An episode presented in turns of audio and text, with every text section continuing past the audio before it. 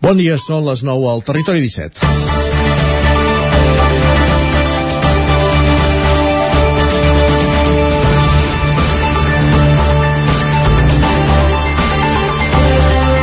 Els vehicles de combustió són els responsables del 80% dels òxids de nitrogen que contaminen l'aire que respiren les persones que viuen a les àrees urbanes. Enmig de l'emergència climàtica és necessari que es prenguin mesures per reduir aquest i altres contaminants que acaben afectant la salut. Alcaldes de municipis de més de 20.000 habitants i el govern de la Generalitat van acordar divendres implementar zones de baixes emissions, com la que funciona a Barcelona, abans d'acabar l'any 2025. Aquesta decisió, que el territori 17 implica Vic, Manlleu i les Franqueses del Vallès, que són les que superen els 20.000 habitants, suposa anar més enllà del que exigeix la normativa estatal, que només ho marca per als municipis que tenen més de 50.000 habitants, on ja hi ha també Granollers i Mollet, o els que, tot i no arribar a aquesta xifra, superen el valor límit de qualitat de l'aire, on la previsió és definir l'àmbit d'actuació el 2023. El Departament d'Acció Climàtica, Alimentació i Agenda Rural ha anunciat que es destinaran ajuts per valor de 6 milions d'euros als municipis per a la definició del projecte i execució d'aquestes zones de baixes emissions, on, com a mínim, no podran circular els vehicles més contaminants. Cal aplaudir aquest pas endavant en la millora de la qualitat de l'aire, que en el cas de la plana de Vic es veu agreujat per les condicions orogràfiques i meteorològiques que provoquen episodis greus de contaminació, tant a l'estiu com a l'hivern. En la primera setmana de febrer, per exemple, Manlleu havia superat el límit de dies de contaminació per partícules de PM10 permeses per la Unió Europea per tot l'any. A l'estiu, la plana de Vic també apareix al capdavant de tots els rànquings en l'àmbit europeu de presència d'ozó troposfèric, un contaminant que té com a element precursor l'òxid de nitrogen que s'origina a l'àrea metropolitana i la marinada trasllada fins a Osona. Caldrà estudiar bé, però, com es defineixen aquestes àrees de baixa contaminació i evitar que generin discriminacions, com s'ha vist que passa a l'àrea metropolitana. És el cas de les persones amb menys recursos que a títol personal o professional no puguin renovar el seu vehicle. Caldrà multiplicar també els recursos que actualment es destinen al transport públic perquè es converteixi de forma efectiva en una alternativa viable al vehicle privat. És dimecres, 23 de març, i comença el Territori 17 a la sintonia de Ràdio Cardedeu, una codinenca, la veu de Sant Joan, Ràdio Vic, el 9 FM i el 9 TV. Territori 17, amb Isaac Moreno i Jordi Sunyer.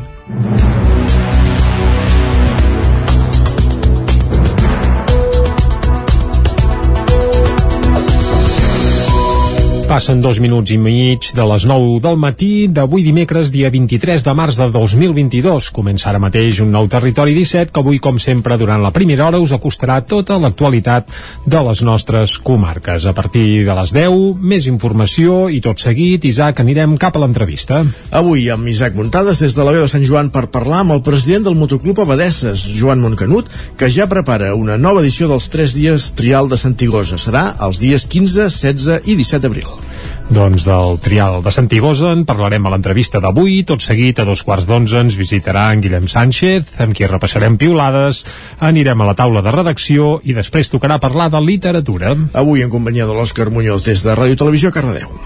A les 11 en punt actualitzarem butlletí informatiu i després qui ens visitarà serà en Jordi Givert, com cada dimecres. Des d'Ona Codinenca amb el territori sostenible i avui la segona part de la Mel Dolor. Veurem amb què ens deparen en aquest nou capítol. Doncs segur que se'ns farà la boca aigua. O mel. Uh, o Serà- mel. serà mel. Serà mel, serà mel, i tant que sí. A les 11 en punt ja ho hem dit, més informació, després el territori sostenible i a la darrera mitja hora, com cada dia, tindrem temps de pujar a la R3, a la Trenc d'Alba i avui, que és dimecres, acabarem esmolant les eines de cara al cap de setmana. Correcte, amb la, repassant l'agenda cultural del cap de setmana a la recta final del territori 17. I ara, I ara arrenquem, com sempre, i arrenquem acostant-vos, com fem cada dia, l'actualitat de casa nostra i de casa vostra, l'actualitat de les comarques del Ripollès, Osona, el Moianès i el Vallès Oriental.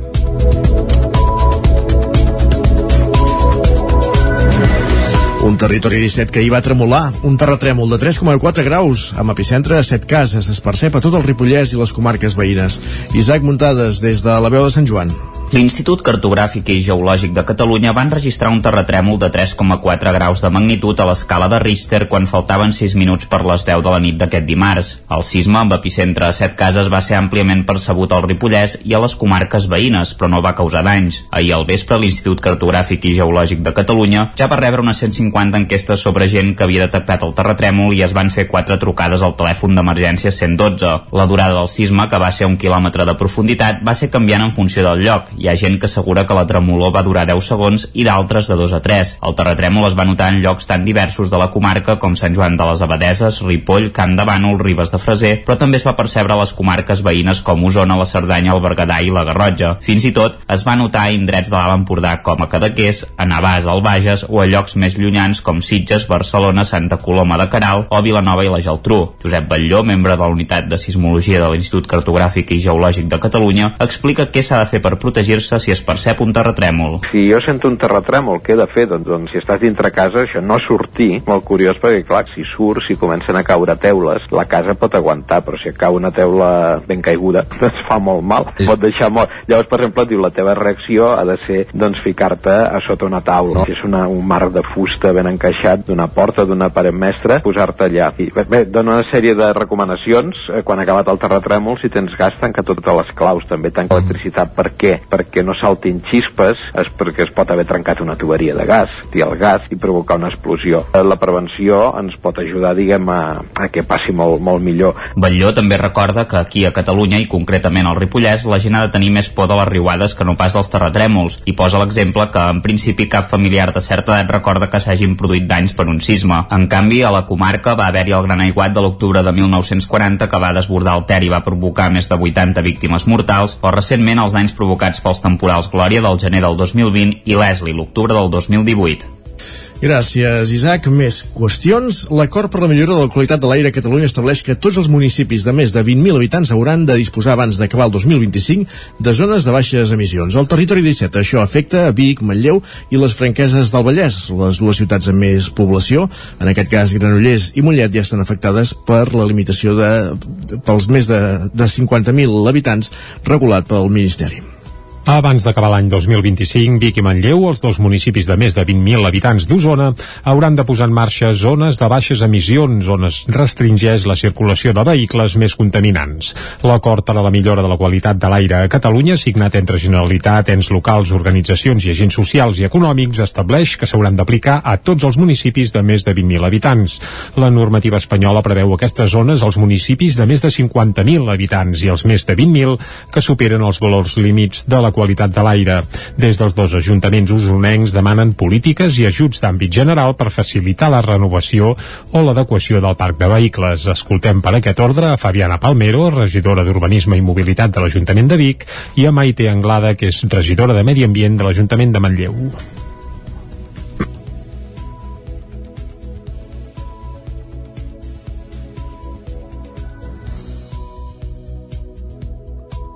Estem penalitzant aquests cotxes eh, que tenen més anys i que en general són de gent que té menys poder adquisitiu que per això els té no? per tant entenem que ha de venir acompanyat d'altres mesures de poder canviar els cotxes, de foment el canvi de cotxes i que aquestes mesures evidentment no poden ser municipals sinó que han de ser en una altra escala. Però per descomptat que qualsevol mesura que nosaltres apliquem ha d'anar acompanyada per promoure que la gent pugui facilitar canviar-se aquest vehicle o bé que és una mica el debat que s'està portant ara, no? O bé que es pogués arribar a arreglar el vehicle de manera que no sigui tan contaminant. L'Ajuntament biguetà, que té en marxa altres iniciatives de disminució del trànsit rodat com les illes de Vianants, ja ha engegat un assessorament per establir les zones on s'hauria de limitar el trànsit i per saber també quin seria l'impacte de la mesura en els vehicles. Escoltem a Fabiana Palmero. Per tant, ens faran aquesta anàlisi que que passa que el, el municipi és un municipi que no és gaire extens a nivell urbà. Per tant estem estudiant a veure quina és la millor alternativa quin és el millor traçat, quina és la millor zona eh, per poder eh, marcar com a zona de baixes emissions. No sabem si han de ser tot el municipi o com s'ha de gestionar. I tècnicament ho estan valorant. L'acord per la qualitat de l'aire a Catalunya fixa com a objectiu la reducció d'un 15% de les emissions de diòxid de nitrogen i de partícules en suspensió per l'any 2025. El full de ruta també contempla la revisió del protocol davant d'episodis ambientals de contaminació, l'avenç en la mobilitat sostenible, sostenible i l'aprovació aquesta legislatura de la llei de qualitat atmosfèrica. A Manlleu ho dèiem també a la portada, a principis d'aquest any hi va haver un episodi sever de contaminació per partícules PM10 que en menys d'un mes i mig va superar el límit de dies amb accés d'aquests elements que la Unió Europea estableix per tot un any. Per determinar-ne l'origen, l'Agència de la Qualitat Ambiental i Canvi Climàtic de Catalunya estudiarà els filtres de l'estació que hi ha a la zona de l'Hospital de Sant Jaume i en paral·lel l'Ajuntament també ha demanat el suport de la Diputació que durant mig any analitzarà la qualitat de l'aire des de diferents punts del municipi. Els passos a seguir els detalla Maite Anglada Anglada, regidora de Medi Ambient de Manlleu. Per tant, ens faran aquesta anàlisi que eh, en 4 o 5 mesos hem de tenir els resultats i després paral·lelament també hem demanat a la Diputació de Barcelona que es puguin establir unes altres estacions de control de qualitat de l'aire per poder contrastar amb l'estació que tenim ara eh, amb les dades. No? I durant mig any ens, estal ens establiran unes eh, estacions mòbils i podrem contrastar amb les dades que tenim per veure si és a tot Manlleu, que hi ha els mateixos paràmetres, o és en unes zones concretes. De moment, el, els episodis d'alta contaminació que es van detectar a principis d'any a Manlleu no s'han repetit. Més qüestions. Representants polítics i tècnics participen en un acte organitzat per Cricció que convidava a reflexionar sobre quin ha de ser el futur de la comarca d'Osona. Una conversa que va tenir lloc a la sala Joaquim Maideu de l'Atlàntida i que va conduir el director editorial de l'U9, Agustí Danés. L'acte es va basar en un treball que el Consell Comarcal va iniciar el 1992 i que amb el nom de Pla Estratègic Osona 21 establia un full de ruta per abordar els reptes del nou segle. Des de llavors s'ha avançat en alguns àmbits, el més destacat, la consolidació de la Universitat de Vic, Universitat Central de Catalunya. En altres aspectes, però, la comarca s'ha estancat. Osona manté el repte de desdoblar la R3 i encara té pendent la transformació del sector agrari. Pel que fa a la R3, però, el primer tinent d'alcalde de Vic, Josep Arimany, es va mostrar molt optimista. El tram Centelles-Vic és un, un tram, tampoc que no té gaires complexitats. El tram de Montcada, us puc dir de primícia que s'està avançant molt. Veurem a, Vi, a Osona, veurem el 2030 es anirà fent per trams no? el 2030 jo penso que pot estar consolidat. Soc optimista. Jordi Julià diu, em mira d'una manera soc optimista però veig que els trams es compliran. De cara al 2030, doncs, potser podrem deixar de fer la trenc d'alba aquí a Territori 17 Vés a saber. Possiblement. Més qüestions. Mm, Vicent Saez de Tejada, actualment coordinador d'activitats externes al Teatre Auditori de Granollers, ha mort aquest dilluns als 62 anys de forma sobtada. David Auladell, des de Ràdio Televisió Cardedeu. Molt actiu en diversos àmbits, la seva mort ha provocat una gran consternació entre la gent de la cultura i també de la vida social de la ciutat va treballar com a tècnic de cultura a l'Ajuntament de Granollers. El 1986 va engegar Tríptic SL, una petita empresa amb seu a Granollers que es dedicava a organitzar actes culturals i representar artistes a l'escala comarcal. Saiz de Tejada havia estat sempre vinculat a diverses iniciatives i entitats locals, com la Colla dels Blaus. Havia estat un dels impulsors de la Festa de Blancs i Blaus va estar vinculat des del primer dia al Teatre Auditori de Granollers, a principi a través de la mateixa empresa Tríptic, formant part de l'equip d'acollida, de gestió de taquilla i recepcions, fins que el 2007 es va incorporar a la plantilla. Aquest dissabte passat, dia de Sant Josep, va fer els 62 anys. A cobert, l'Espai d'Art Contemporani de Mollà, estrenat a principis d'any, comença amb una bona rebuda de les seves propostes culturals, que era el campàs des d'Ona Codinenca. A punt d'arribar al primer trimestre de vida, a Cobert ha aconseguit captar l'interès dels veïns de la comarca. Ha estat gràcies a activitats que han servit d'altaveu per propostes culturals amb una perspectiva feminista i posant sobre la taula debats com l'abús de l'alcohol en l'oci o l'accés del consum de carn en la nostra societat. Tot i estar satisfets amb la bona acollida, el moianès Nerea Campo, directora de Coberta, explicava amb quines problemàtiques s'han trobat d'altra banda amb un gust agradolç en tant que bueno, eh, ens hem adonat que a vegades complir amb, amb allò que vam dir de, de pagar l'artista no sempre és fàcil que les taquilles inverses doncs, a vegades són una mica precàries sembla que s'ha de forçar a pagar. Llavors bueno, encara estem encara estem bueno, lidiant amb tot això i, i, per recollida molt bé però, però bueno, per complir les premisses que vam marcar que eren molt fortes doncs hem d'estar lluitant sempre. Per altra banda, tot i mantenir una bona relació amb l'Ajuntament de Mollà, que pot donar fruit a futures col·laboracions, també han vist que iniciatives emergents de petit format com a cobert no obtenen resguard d'institucions com la Generalitat o la Diputació. De cara que les, les les subvencions de la Generalitat estan pensades per projectes que ja tenen un capital eh, i no per projectes petits perquè quan tu demanes una subvenció tu has de disposar ja d'aquell capital eh, eh, i ells en tot cas et reforçaran d'alguna manera. Llavors no està pensat per, per projectes petits i per projectes com a cobert al món rural i que funcionem bueno, doncs en petit format. No? La següent proposta de cobert serà aquest divendres a les 7 de la tarda amb la projecció de Miss Universo, una proposta de videoart estrenada al Festival de Cap Roig de l'artista Juana Dolores. La pastisseria Font de Viladrau fa 125 anys. El negoci, que ara està en mans de la quarta generació, va obrir les portes l'any 1897 i actualment és el comerç més antic del poble. D'aquí a pocs dies, l'aparador de la pastisseria Font de Viladrau tornarà a ser l'atenció, tornarà a acaparar, volem dir, l'atenció de petits i grans, de clients i també de badocs. Serà per contemplar l'esperada Mona Grossa, la mona artesanal de grans dimensions que des de fa anys elaboren per Setmana Santa. La forma exacta que prendrà encara és un misteri, però el motiu d'inspiració d'enguany està cantat. La commemoració dels 125 anys de l'establiment. A mans de la quarta generació de la nissaga, avui Can Font és el comerç més antic en actiu que hi ha a Viladrau. Josep Sant Salvador reconeix que li hauria agradat estudiar Belles Arts, però es va acabar decantant per la via professional més prosaica, la de l'obrador de casa, on ja havia anat feinejant des de ben marrec. Ara admet que d'alguna manera també ha pogut desplegar la seva vena artística com a pastisser i xocolater, sobretot en aquestes dates, quan toca dissenyar i elaborar la tradicional mona grossa i també la resta de mones artesanals, cadascuna única i singular. Ho fa al costat del seu germà Joan, dos anys més jove que ell, que també va prendre el mateix camí. Plegats estan donant continuïtat a una història que va arrencar fa 125 anys quan els seus besavis, Ramon Font i Maria Ramírez, van obrir un punt de venda als baixos del número 2 de la plaça Major de Viladrau. Tot i que durant més de 100 anys la família no va voler entrar al negoci del pa, ara fa 7 o 8 anys que van decidir elaborar-ne uns dies concrets coincidint en que tancaven els altres forns del poble i a més els ho demanava la mateixa clientela. Arran de la pandèmia també han acabat replantejant els horaris. La botiga ara obre tots els caps de setmana i festius i entre setmana només obren dimecres. Ara mateix no hi ha una cinquena generació que asseguri la continuïtat del negoci, però de moment a Can Font hi ha corda per anys. Acabem aquí aquest repàs informatiu que començàvem a les 9 en companyia de Jordi Sunyer, David Auladell, Isaac Muntades i Caral Campàs. Moment ara de conèixer la previsió meteorològica. Saludem de seguida en Pep Acosta.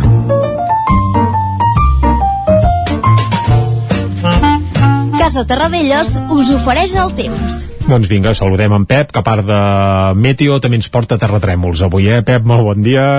Molt bon dia, I molt bona hora. salutacions des de Sant Feliu de Codines. Ah, gràcies, gràcies. Comencem un nou dia i ho fem unes temperatures força, força baixes.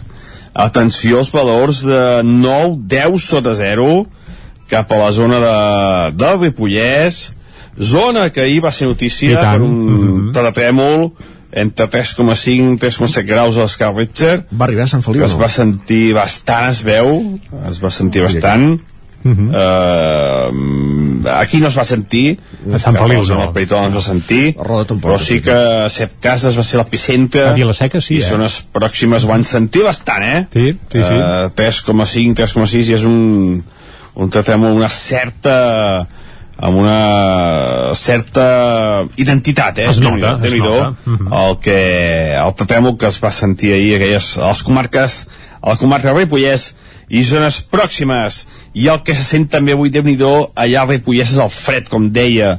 Mínimes de 9-10 sota 0 cap a les cotes més altes de Baiter 2000 uh, un fred de finals de febrer o, o, o mitjans de febrer que no pas a finals de, de març eh, que estem ja. Mínimes també negatives en el Montseny 3 sota 0 a Puig de Zolles entre 0 i 1 sota 0 cap a Plana Vic també cap al Moianès i a la Plana del Vallès temperatures inferiors a 5 graus. Uh, nit freda, com deia, eh, de, les, de, de febrer, nit de febrer sense cap mena de dubtes, i no de març. Uh, després d'un dia ahir, marcat novament pels núvols, algunes precipitacions, molt poca cosa, però no acaba de fer net ni molt menys, tenim aquesta pertorbació uh, mediterrània per aquí a la vora que ens envia aquests, aquests vents de, de gregal llevant, que són els protagonistes de fa ja molts dies. I avui tampoc serà un dia eh, molt assolellat. Sí que tindrem més clarianes. Hi haurà més estones que sol d'ahir que ahir. Però no serà un dia ni de bon tros 100% assolellat. Uh, no plourà, avui gairebé no plourà, si s'arriba a ploure seran quatre gotes puntuals, molt poca cosa, però sí que els núvols seran els protagonistes. On plourà més és cap al sud de Catalunya i també al País Valencià. Si aneu cap a aquella zona, precaució. Però a casa nostra no, com molt quatre gotes i les temperatures a veure una mica més de sol pujaran.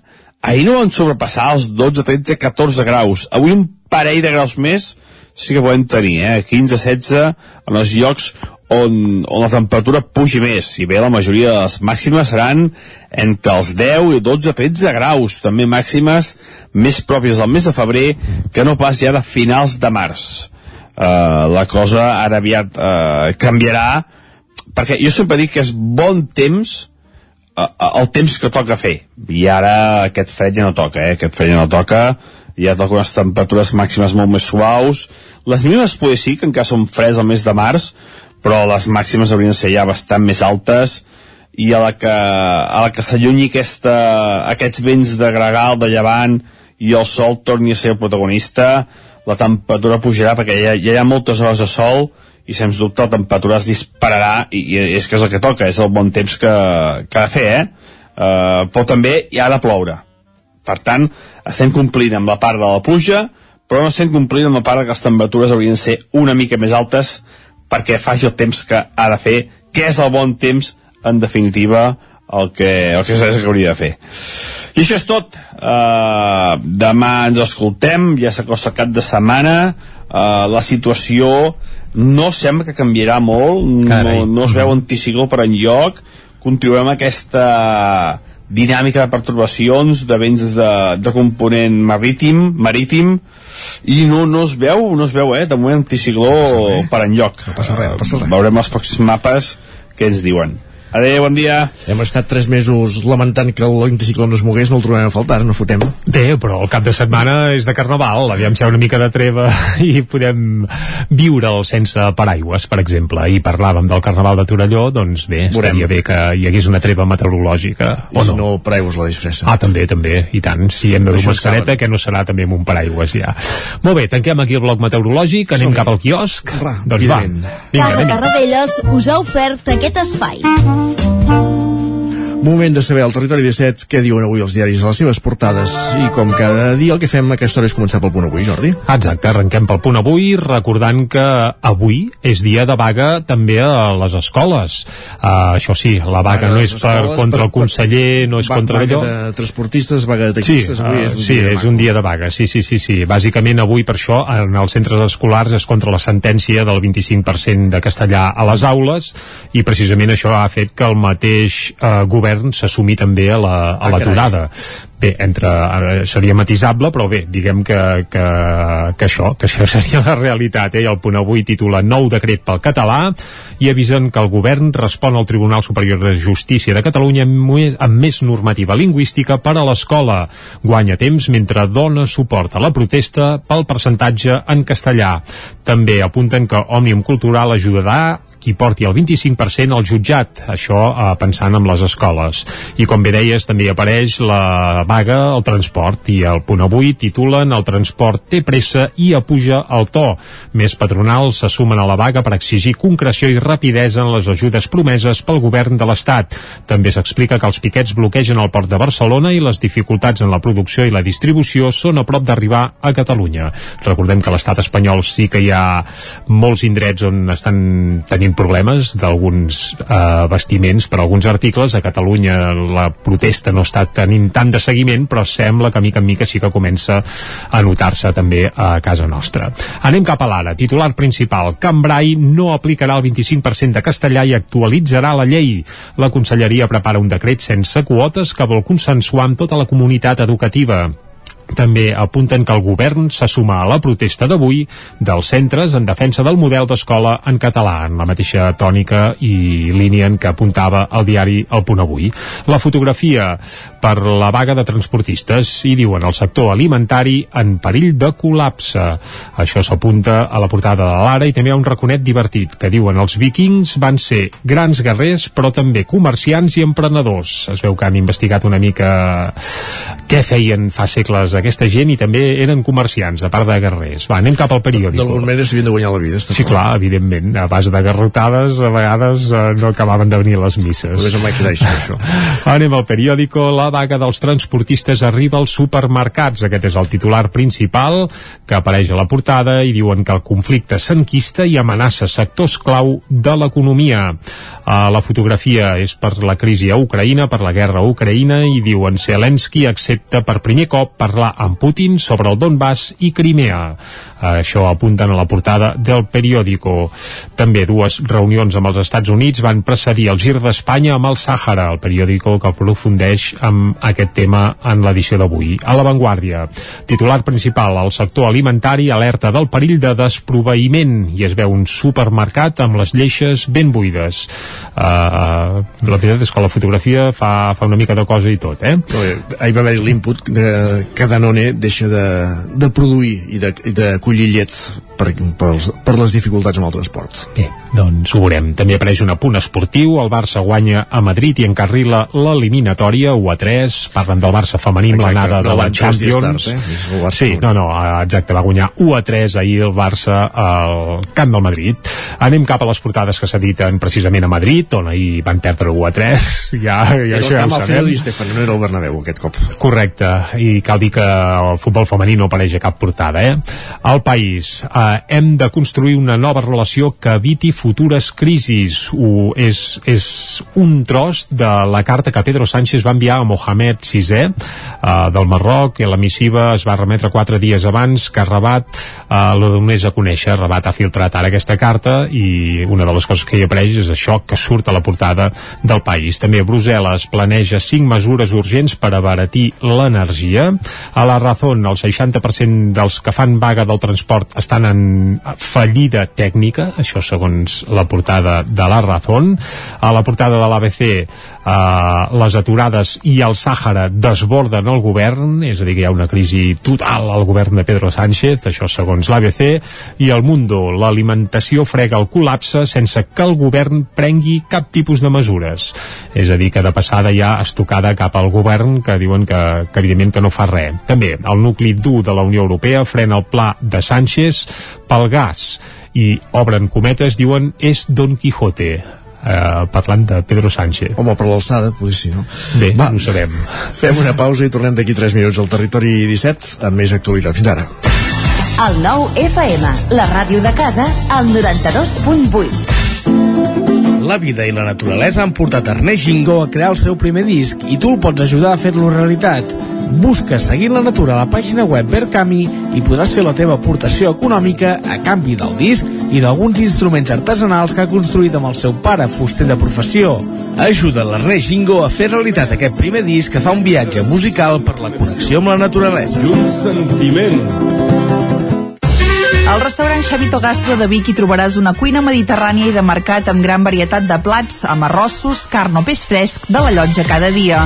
Vine a dinar de dimarts a divendres i prova el nostre menú diari per només 15 euros o a les nits de dijous a diumenge tastar el nostre menú degustació amb arrossos i tapes per 25 euros. Restaurant Xamito Gastro. Ens trobaràs al carrer Callnou número 9 de Vic i al telèfon 93 094 1172 o al 747 42 92 58. Això és el que s'escolta al voltant d'una caldera saunia d'Oval. Tranquilitat i benestar, perquè gaudeix del millor manteniment del servei tècnic oficial per estar despreocupat. O el que vulgui. Informis a Oficiat Nord trucant al 938860040. Saunia d'Oval, sempre al seu costat. El racó de León ja és primavera. Gaudeix de la nostra terrassa. Vine a tastar les xuletilles de lechal a la brasa amb una bona amanida o el xuletón de vedella gallega. No et pots perdre el nostre lechado de Castilla al forn o el cochinillo a l'estil de Segovia. Tot acompanyat del millor celler, al menjador o fora la terrassa. Descobreix la millor cuina de Lleó sense moure't de casa. Vine amb la família, els amics, la parella o sol. T'encantarà. El racó de León, cuina tradicional lleonesa i de mercat. Som al carrer Torelló número 35 de Vic. Per reserves, telèfon 93 889 1950. El racó de León, una cuina diferent. Cobertes serveis funeraris. Els nostres tanatoris estan ubicats en els nuclis urbans més poblats de la comarca d'Osona per oferir un millor servei. Tanatori de Vic, Tanatori de Manlleu, Tanatori de Centelles i Tanatori de Roda de Ter.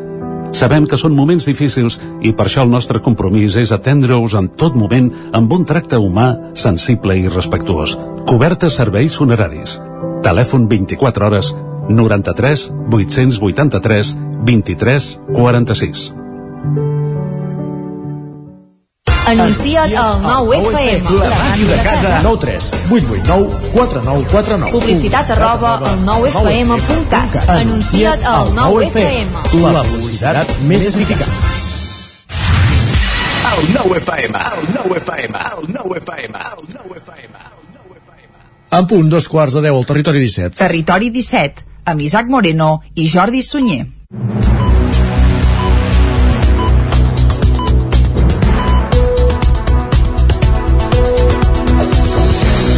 Doncs això, dos quarts de deu en punt, d'avui dimecres, dia 23 de març de 2022. Seguim en directe aquí, a Territori 17, i de seguida el que farem és, com fem cada dia, a aquesta hora, doncs acostar-vos de nou tota l'actualitat de les nostres comarques. Una actualitat marcada, per exemple, per un terratrèmol que no sé si vas notar, Isaac, tu. Jo no, Eh, ja t'ho diré. No.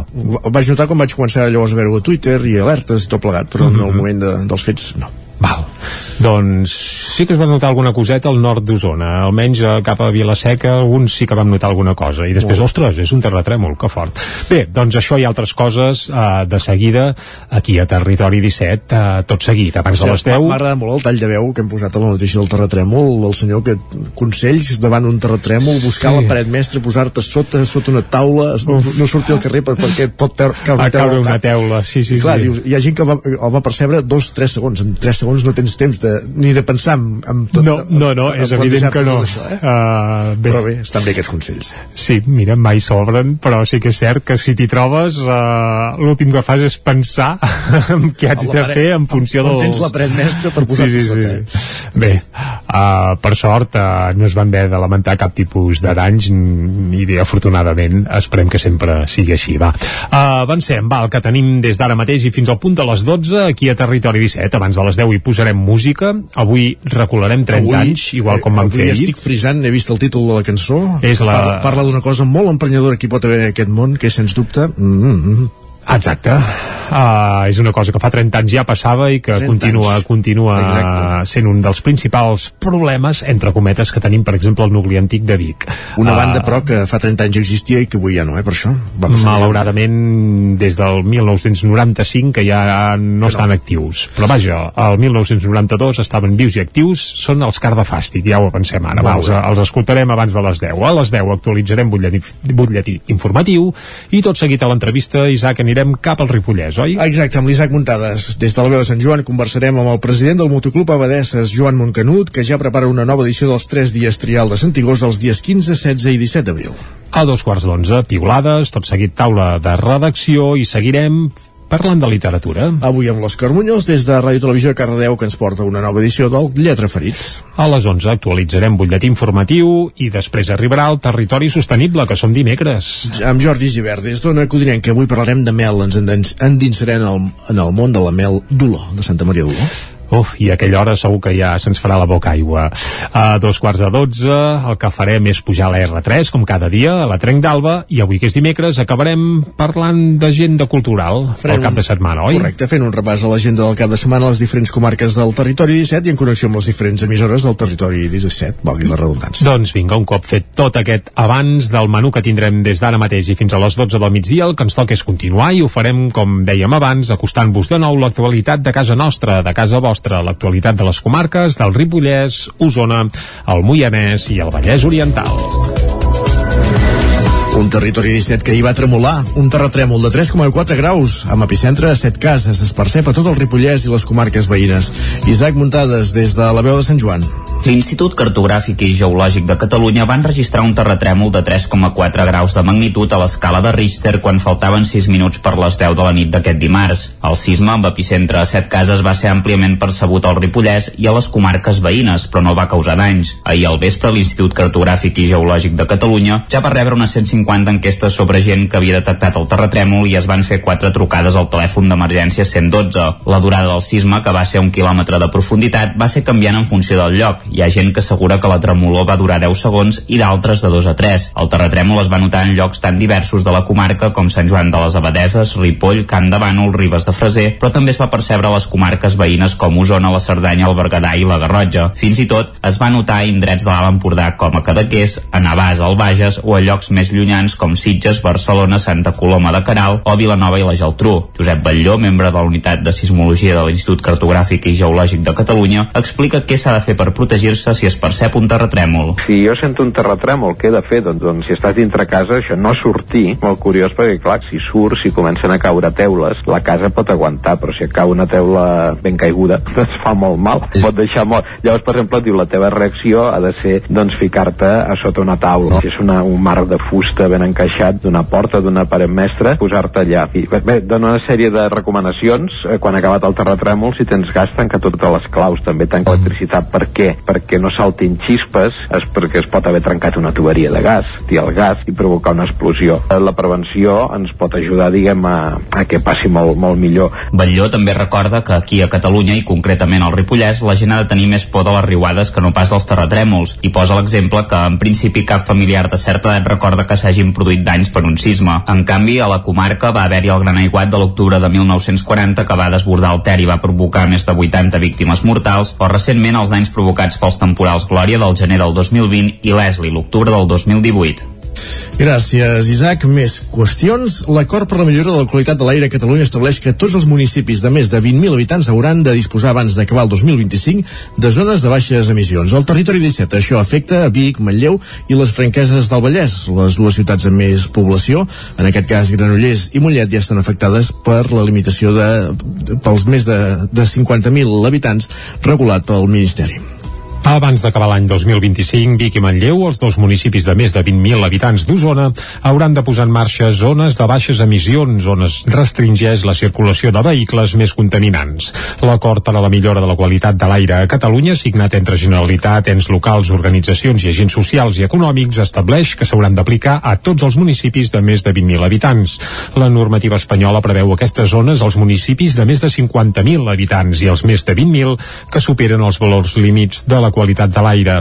Des dels dos ajuntaments usonencs demanen polítiques i ajuts d'àmbit general per facilitar la renovació o l'adequació del parc de vehicles. Escoltem per aquest ordre a Fabiana Palmero, regidora d'Urbanisme i Mobilitat de l'Ajuntament de Vic, i a Maite Anglada, que és regidora de Medi Ambient de l'Ajuntament de Manlleu estem penalitzant aquests cotxes eh, que tenen més anys i que en general són de gent que té menys poder adquisitiu que per això els té no? per tant entenem que ha de venir acompanyat d'altres mesures de poder canviar els cotxes, de foment el canvi de cotxes i que aquestes mesures evidentment no poden ser municipals sinó que han de ser en una altra escala. Però per descomptat que qualsevol mesura que nosaltres apliquem ha d'anar acompanyada per promoure que la gent pugui facilitar canviar-se aquest vehicle o bé que és una mica el debat que s'està portant ara, no? O bé que es pogués arribar a arreglar el vehicle de manera que no sigui tan contaminant. L'Ajuntament Bigatà, que té en marxa altres iniciatives de disminució del trànsit rodat com les illes de Vianants, ja ha engegat un assessorament per establir les zones on s'hauria de limitar el trànsit i per saber també quin seria l'impacte de la mesura en els vehicles. Escoltem a Fabiana Palmero. Per tant, ens faran aquesta anàlisi que que passa que el, municipi és un municipi que no és gaire extens a nivell urbà. Per tant estem estudiant a veure quina és la millor alternativa quin és el millor traçat, quina és la millor zona eh, per poder eh, marcar com a zona de baixes emissions. No sabem si han de ser tot el municipi o com s'ha de gestionar. I tècnicament ho estan valorant. L'acord per la qualitat de l'aire a Catalunya fixa com a objectiu la reducció d'un 15% de les emissions de diòxid de nitrogen i de partícules en suspensió per l'any 2025. El full de ruta també contempla la revisió del protocol davant d'episodis ambientals de contaminació, l'avenç en la mobilitat sostenible, sostenible i l'aprovació aquesta legislatura de la Llei de Qualitat Atmosfèrica. A Manlleu, ho dèiem també a la portada, a principis d'aquest any hi va haver un episodi sever de contaminació per partícules PM10 que en menys d'un mes i mig va superar el límit de dies amb accés d'aquests elements que la Unió Europea estableix per tot un any. Per determinar-ne l'origen, l'Agència de la Qualitat Ambiental i Canvi Climàtic de Catalunya estudiarà els filtres de l'estació que hi ha a la zona de l'Hospital de Sant Jaume i en paral·lel l'Ajuntament també ha demanat el suport de la Diputació que durant mig any analitzarà la qualitat de l'aire des de diferents punts del municipi. Els passos a seguir els detalla Maite Anglada, regidora de Medi Ambient de Manlleu. Per tant, ens faran aquesta anàlisi que eh, en 4 o 5 mesos hem de tenir els resultats i després paral·lelament també hem demanat a la Diputació de Barcelona que es puguin establir unes altres estacions de control de qualitat de l'aire per poder contrastar amb l'estació que tenim ara eh, amb les dades, no? I durant mig any ens, estal ens establiran unes eh, estacions mòbils i podrem contrastar amb les dades que tenim per veure si és a tot Manlleu que hi ha els mateixos paràmetres o és en unes zones concretes. De moment, el, els episodis d'alta contaminació que es van detectar a principis d'any a Manlleu no s'han repetit.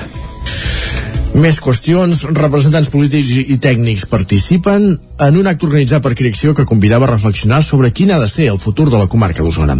Una conversa que va tenir lloc a la sala Joaquim Maideu de l'Atlàntida i que va conduir el director editorial del 9-9, Agustí Danés.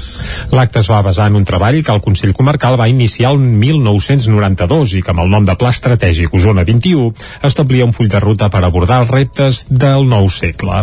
Des de llavors s'ha avançat en alguns àmbits, el més destacat, la consolidació de la Universitat de Vic, Universitat Central de Catalunya.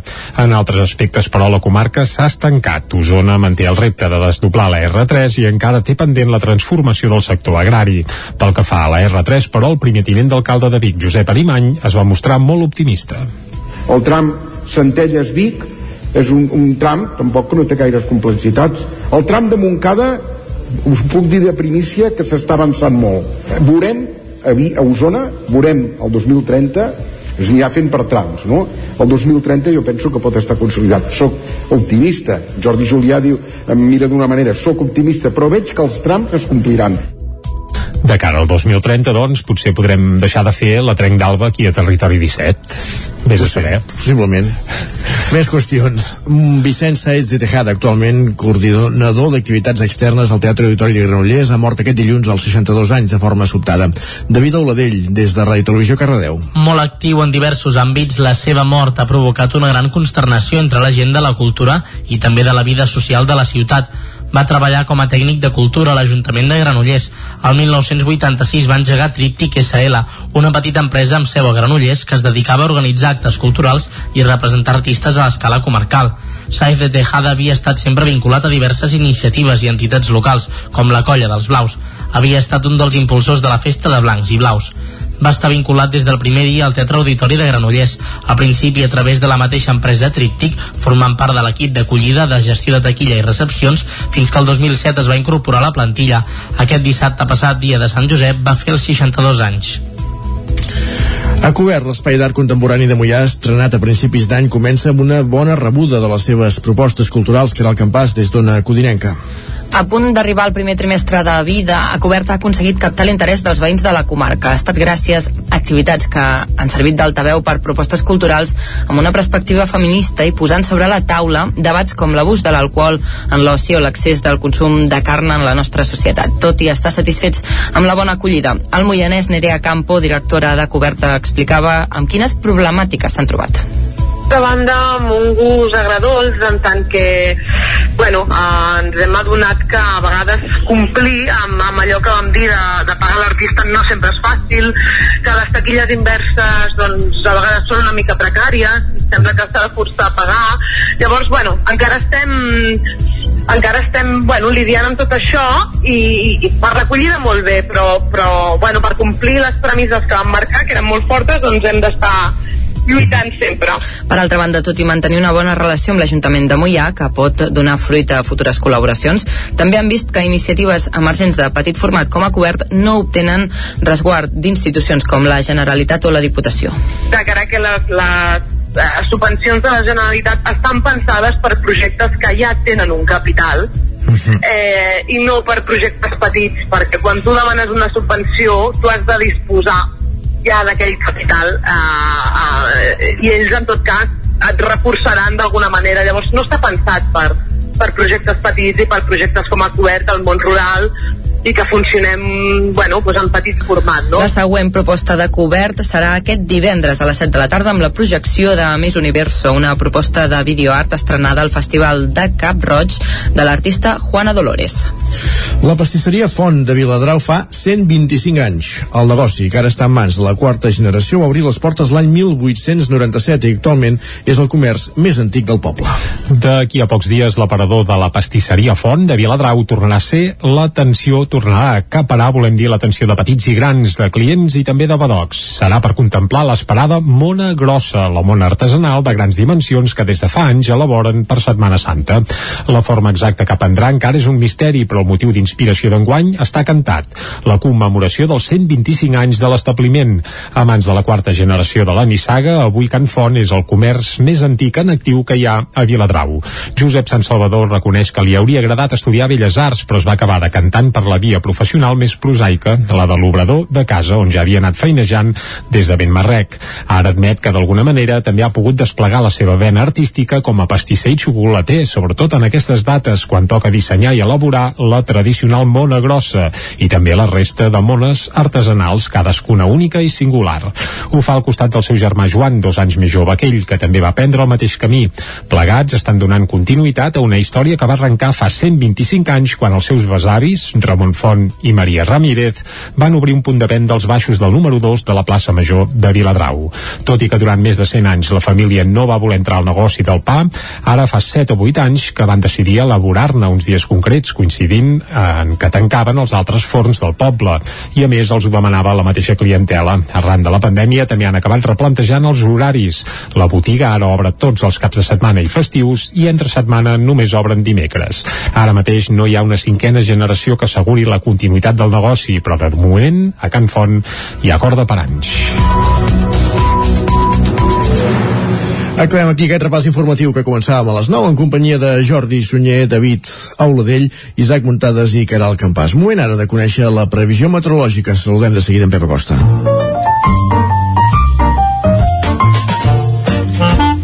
Casa Terradellos us ofereix el temps. Doncs vinga, saludem en Pep, que a part de Meteo també ens porta terratrèmols avui, eh? Pep, molt bon dia. Molt bon dia, I molt bona hora. des de Sant Feliu de Codines. Ah, gràcies, gràcies. Comencem un nou dia i ho fem unes temperatures força, força baixes. Atenció als valors de 9, 10 sota 0 cap a la zona de, del Ripollès, zona que ahir va ser notícia per un mm -hmm. terratrèmol entre 3,5 i 3,7 graus a l'Scar Richter. Va arribar a Sant Feliu, Es no? va sentir bastant, es veu, es va sentir bastant. Uh -huh.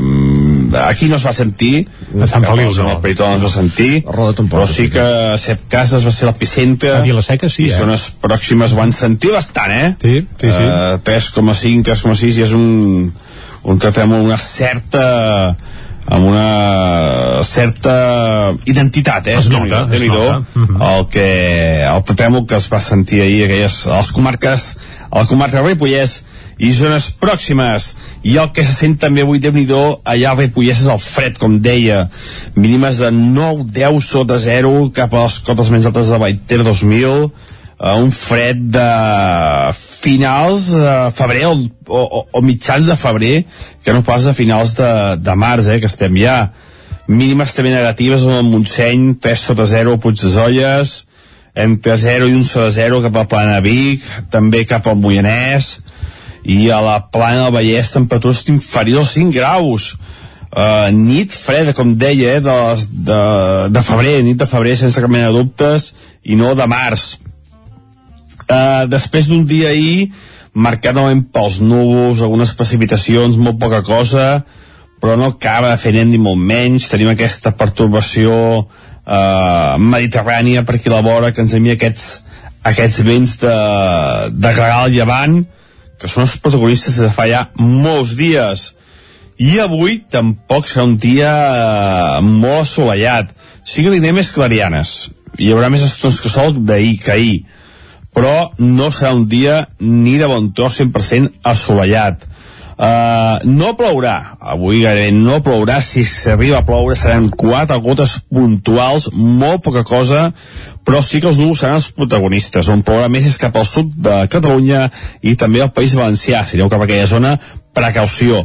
Però a casa nostra no, com molt quatre gotes i les temperatures a veure una mica més de sol pujaran. Ahir no van sobrepassar els 12, 13, 14 graus. Avui un parell de graus més sí que podem tenir, eh? 15, 16 en els llocs on, on la temperatura pugi més. Si bé la majoria de les màximes seran entre els 10 i 12, 13 graus, també màximes més pròpies del mes de febrer que no pas ja de finals de març. Uh, la cosa ara aviat uh, canviarà perquè jo sempre dic que és bon temps el temps que toca fer. I ara aquest fred ja no toca eh? aquest fred ja no toca. Ja toca unes temperatures màximes molt més suaus. Les mínimes poder sí que encara són freds al mes de març però les màximes haurien de ser ja bastant més altes. I a la que, a la que s'allunyi aquests vents de gregal de llevant i el sol torni a ser el protagonista la temperatura pujarà perquè ja, ja hi ha moltes hores de sol i sens dubte la temperatura es dispararà i, i és que és el que toca, és el bon temps que, que ha de fer, eh? Uh, però també hi ha de ploure. Per tant, estem complint amb la part de la pluja però no estem complint amb la part que les temperatures haurien de ser una mica més altes perquè faci el temps que ha de fer que és el bon temps en definitiva el que, el que que hauria de fer. I això és tot. Uh, demà ens escoltem ja s'acosta cap de setmana. Uh, la situació no sembla que canviarà molt no, no es veu anticicló per enlloc. Continuem aquesta dinàmica de pertorbacions de vents de, de component marítim marítim i no, no es veu no es veu eh, de moment anticicló no per enlloc. No passa res, no passa res. veurem els pròxims mapes que ens diuen Adéu, bon dia. Hem estat tres mesos lamentant que l'anticicló no es mogués, no el trobem a faltar, no fotem. Bé, però el cap de setmana és de carnaval, aviam si hi ha una mica de treva i podem viure'l sense paraigües, per exemple. I parlàvem del carnaval de Torelló, doncs bé, Veurem. estaria bé que hi hagués una treva meteorològica. I si no, paraigües la disfressa. Ah, també, també, i tant. Si hem de dur mascareta, que no serà també amb un paraigües ja. Molt bé, tanquem aquí el bloc meteorològic, anem cap al quiosc. Va, doncs va. Vinga, Casa. Tarradellas us ha ofert aquest espai.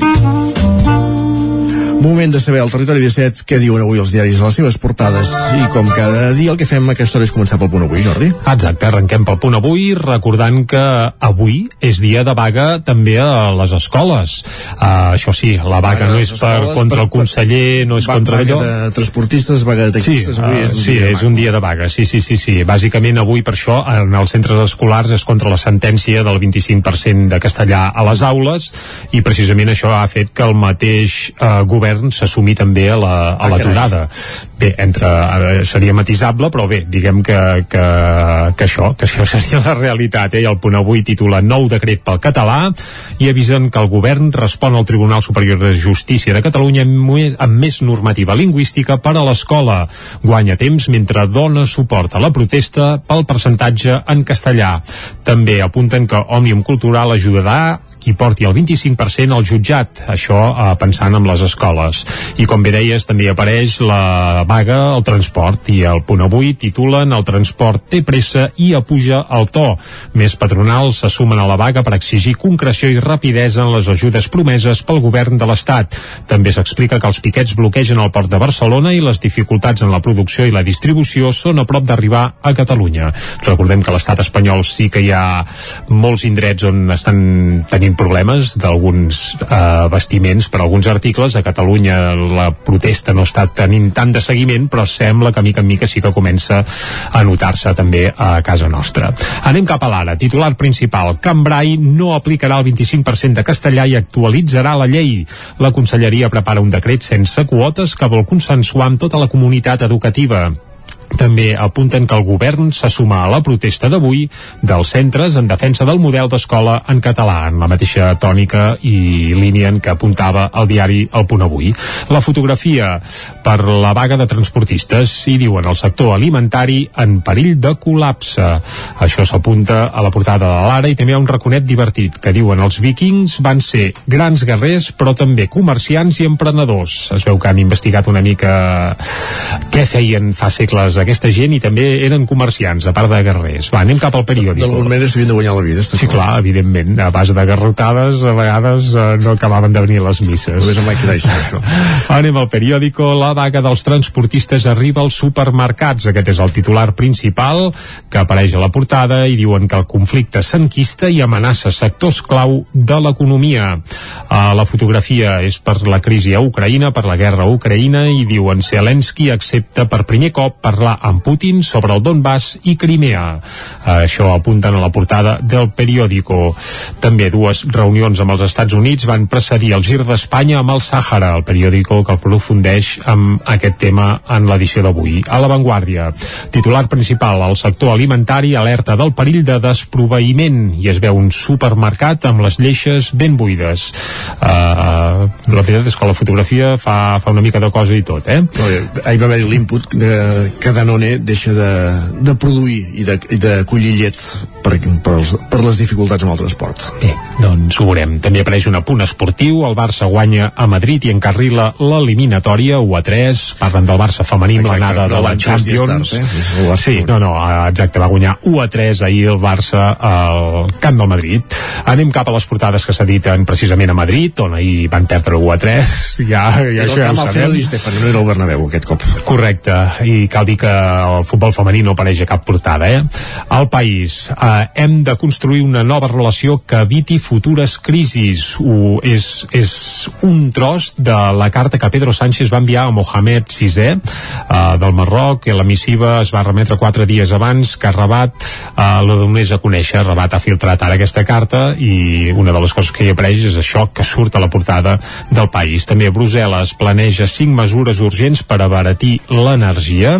A la Razón, el 60% dels que fan vaga del transport estan en fallida tècnica, això segons la portada de la Razón.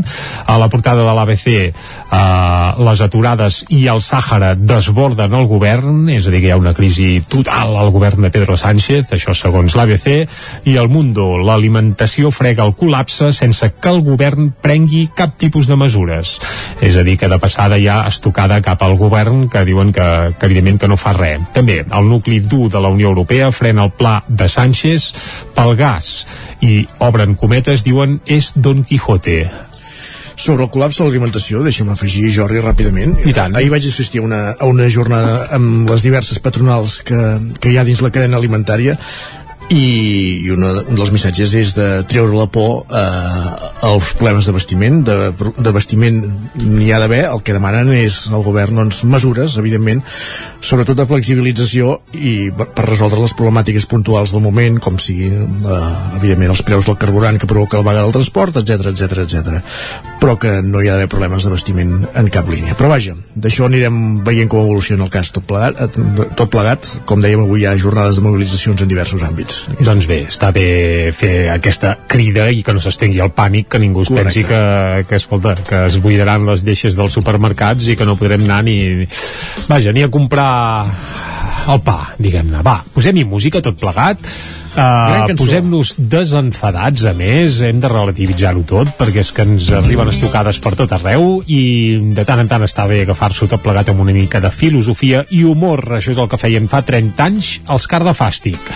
I fa 30 anys que precisament van debutar amb un disc que es deia Aixabuiro, Estossec, Esternut, uh, va ser l'any 1992 i aquesta banda de Vic, doncs això, va fer una fantàstica cançó que es deia La caca de Colom i amb aquesta cançó arribarem fins al punt de les 10 aquí a Territori 17 per 30 anys commemorar ja, i eh? celebrar que fa 30 anys d'aquest Aixabuiro on hi havia obres d'art com aquesta caca de Colom. o aquella que deia que hi ha Vic puti, uh, Botifarra, capellans, putes i pans de passi Exacte, sí, sí, sí. Aquesta l'escoltarem un altre dia. Va, avui ens quedem amb la caca de Colom. Vinga. La teva nena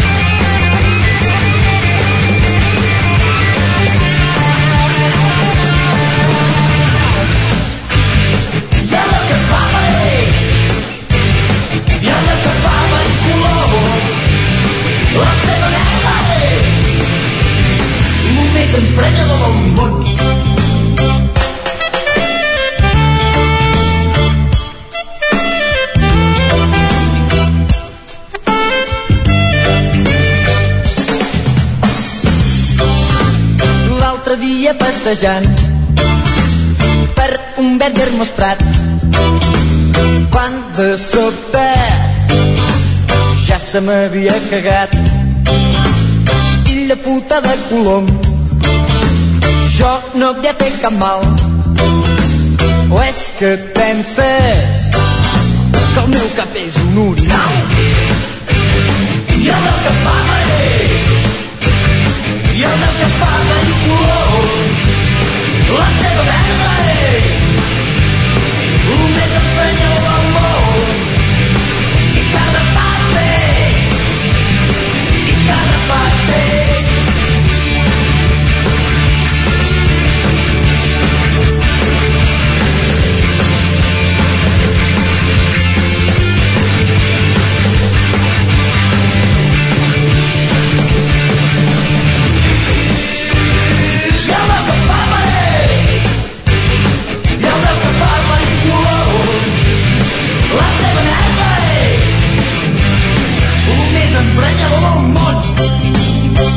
cada pas té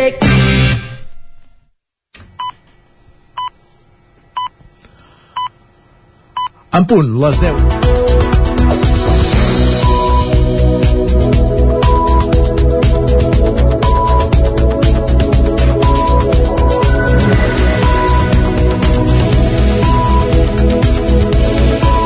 I a aquesta hora és moment al Territori 17 de posar-nos al dia, d'actualitzar-nos amb les notícies més destacades de les nostres comarques, el Moianès, el Vallès Oriental, el Ripollès i Osona, i ho fem en connexió, com cada dia, amb les diferents emissores que cada dia fan possible el programa. La veu de Sant Joan, Ona Codinenca, Ràdio Cardedeu, Ràdio Vic, el 9FM i el 9TV.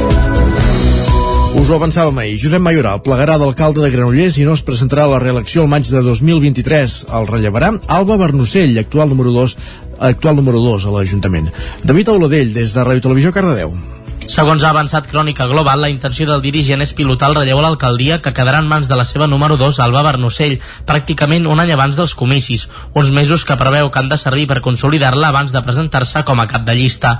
Mayoral, que té 67 anys i és economista de formació, ja fa temps que tenia intenció de deixar l'alcaldia i ha esperat el moment que ha considerat propici per poder garantir una transició que no és fàcil pel PSC, perquè es tracta d'un alcalde molt consolidat.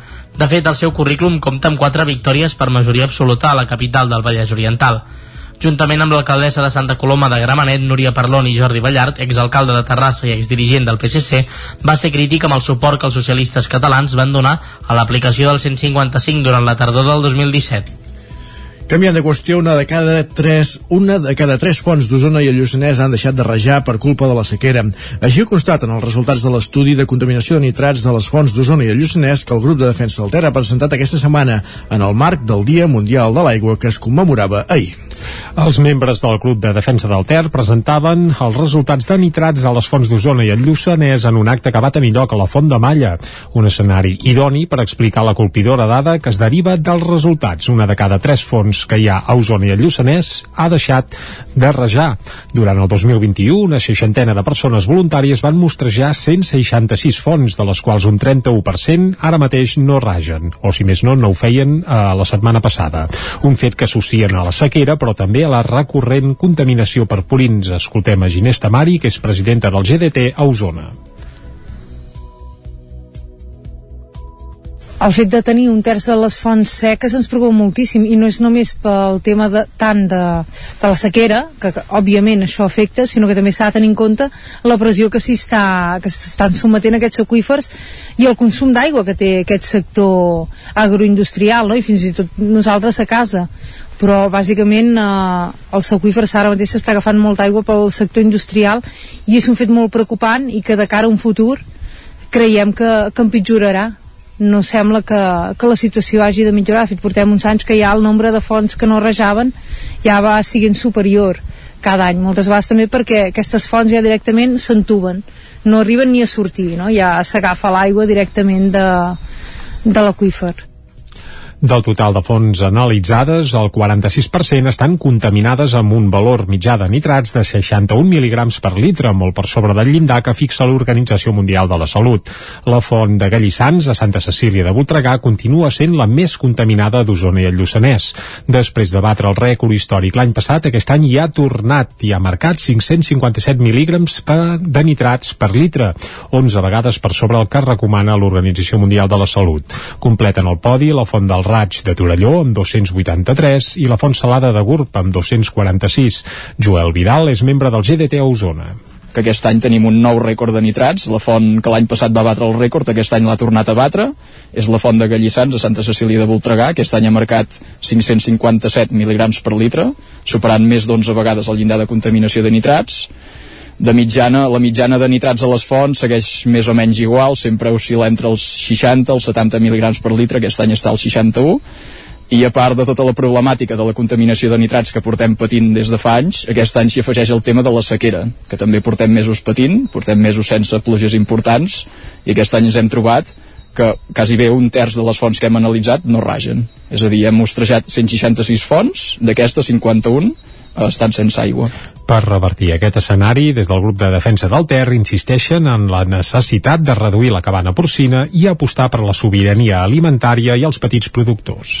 Més qüestions. Esquerra es queixa de les dificultats que posa el Consell Comarcal del Ripollès a l'hora de demanar subvencions. Isaac Muntades, des de la veu de Sant Joan. En el darrer ple del Consell Comarcal del Ripollès, el principal grup a l'oposició, Esquerra Republicana de Catalunya, va queixar-se que l'equip de govern liderat per Junts per Catalunya no havia donat massa subvencions a les entitats de la comarca durant l'any passat, que encara va estar molt marcat per l'abans de la pandèmia de la Covid-19. El porteu republicà Roger Bosch va queixar-se d'aquest contrasentit en un any 2021 tan complicat per tothom. Suposo que qui hagués participat del, del xarxa d'entitats o del món associatiu ha patit a les seves mans com l'administració que fa és directament posa pals a les rodes pel desenvolupament d'activitats com pot ser simplement una xocolatada a la plaça amb els veïns del barri. Per tant, el que no entenem és que amb un pressupost on s'obren 2 milions de romanent aquest any només es destinin 20 i pocs mil euros a subvencions i que el 2021 més de la meitat d'aquestes subvencions no s'hagin acabat atorgant per la inactivitat, entenem, del Consell a l'hora de ser proactiva d'acostar-se a les diferents entitats de la comarca per, per facilitar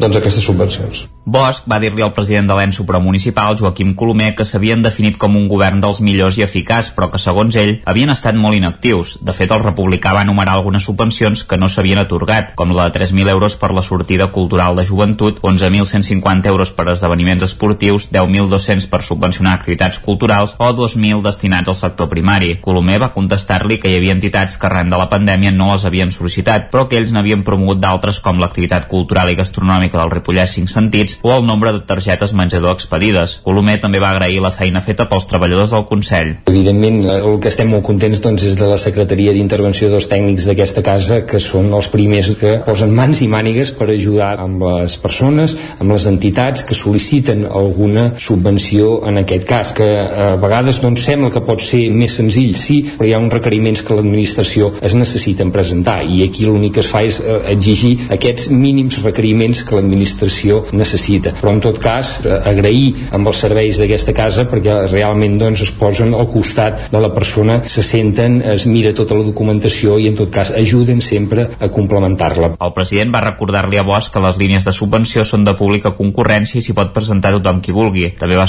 subratllar que els diners del Fons de Cooperació Extraordinari del Pla de Reactivació Socioeconòmica promesos per la Generalitat de Catalunya van arribar tots finalment al desembre de l'any passat i només una petita part va estar disponible al febrer com s'havia promès. Gràcies, Isaac. Tornem al Vallès Oriental perquè l'Ajuntament de Caldes de Montbui engega la reforma de tres parcs del barri del Bogarà i Caral Campàs des d'Ona Codinenca.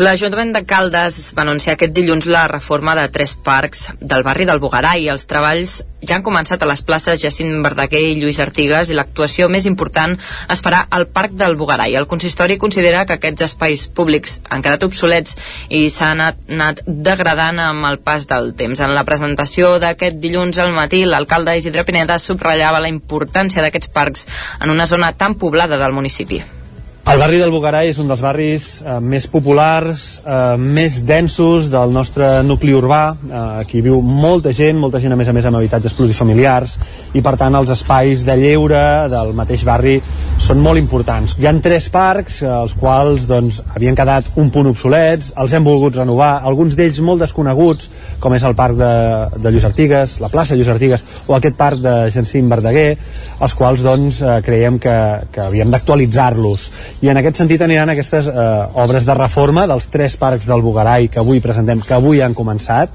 um, intentarem fer-los molt més porosos molt més actuals, amb criteris d'accessibilitat intentarem fer-los amables per un barri doncs, que respira a través dels eh, mateixos parcs. Per altra banda, el regidor d'Espais Públics i Mobilitat Jaume Mauri detallava l'actuació concreta que es farà al Parc mm, del Bugarai, el més gran. Les actuacions que anem a fer, doncs, la més gran és el Parc del Bugarai, que el que fem és juntar una miqueta el que és el passeig de, que, que dona tot el perímetre del Parc del Borai amb l'Avinguda Pimargall el fem accessible perquè són coses que han estat inacabades a nivell urbanístic i donem un sentit d'accessibilitat i de comoditat no?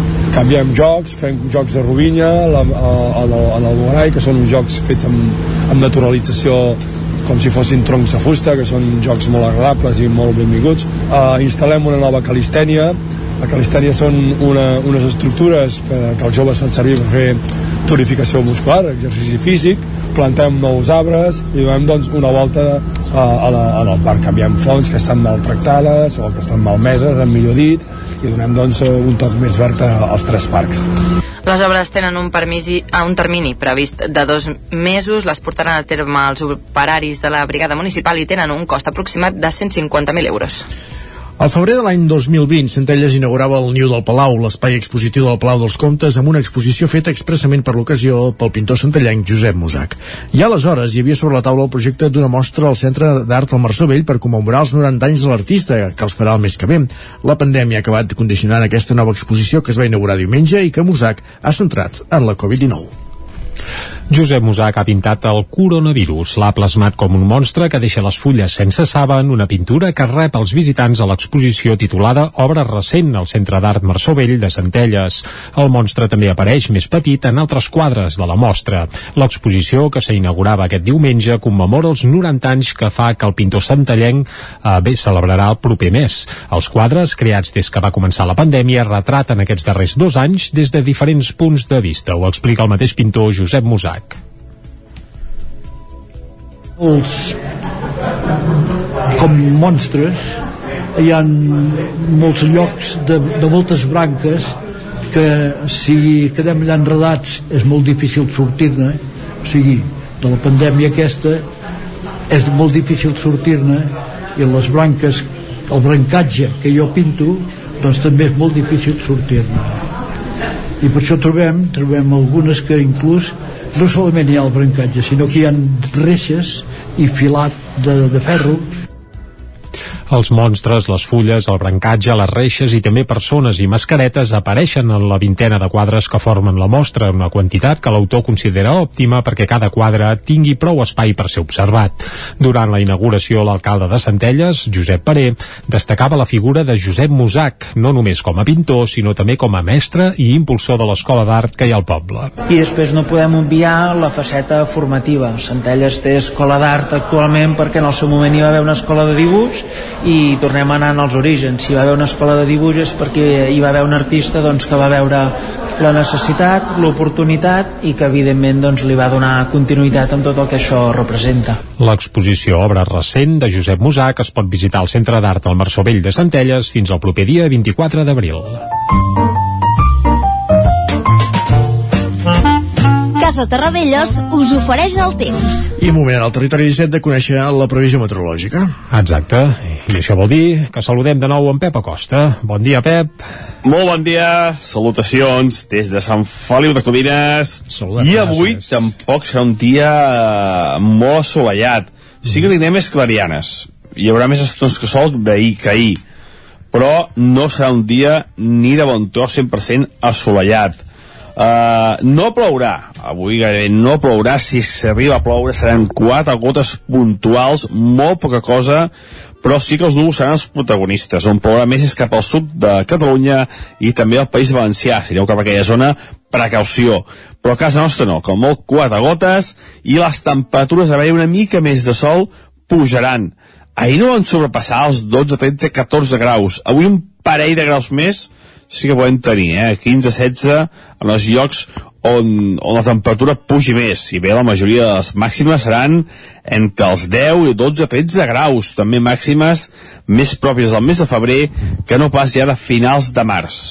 Uh, la cosa ara aviat uh, canviarà perquè jo sempre dic que és bon temps uh, el temps que toca fer i ara aquest fred ja no toca eh? aquest fred ja no toca ja toca unes temperatures màximes molt més suaus. Les mínimes potser sí que encara són freds al mes de març però les màximes haurien de ser ja bastant més altes. I a la que, a la que s'allunyi aquests vents de gregal de llevant i el sol torni a ser el protagonista la temperatura pujarà perquè ja, ja hi ha moltes hores de sol i sens dubte la temperatura es dispararà i, i és que és el que toca, és el bon temps que, que ha de fer, eh? Uh, però també hi ha de ploure per tant, estem complint amb la part de la pluja però no estem complint amb la part que les temperatures haurien de ser una mica més altes perquè faci el temps que ha de fer, que és el bon temps, en definitiva, el que, el que, és que hauria de fer. I això és tot.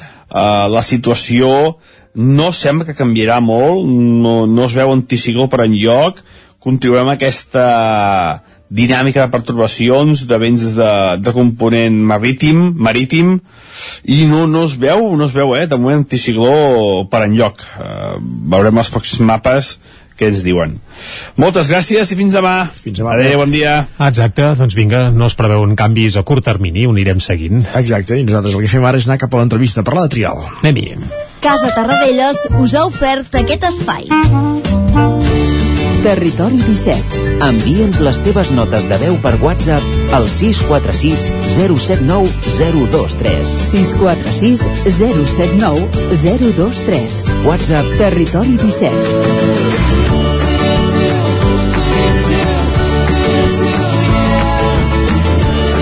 Territori 17. Som a Facebook, Twitter i Instagram amb l'usuari Territori 17.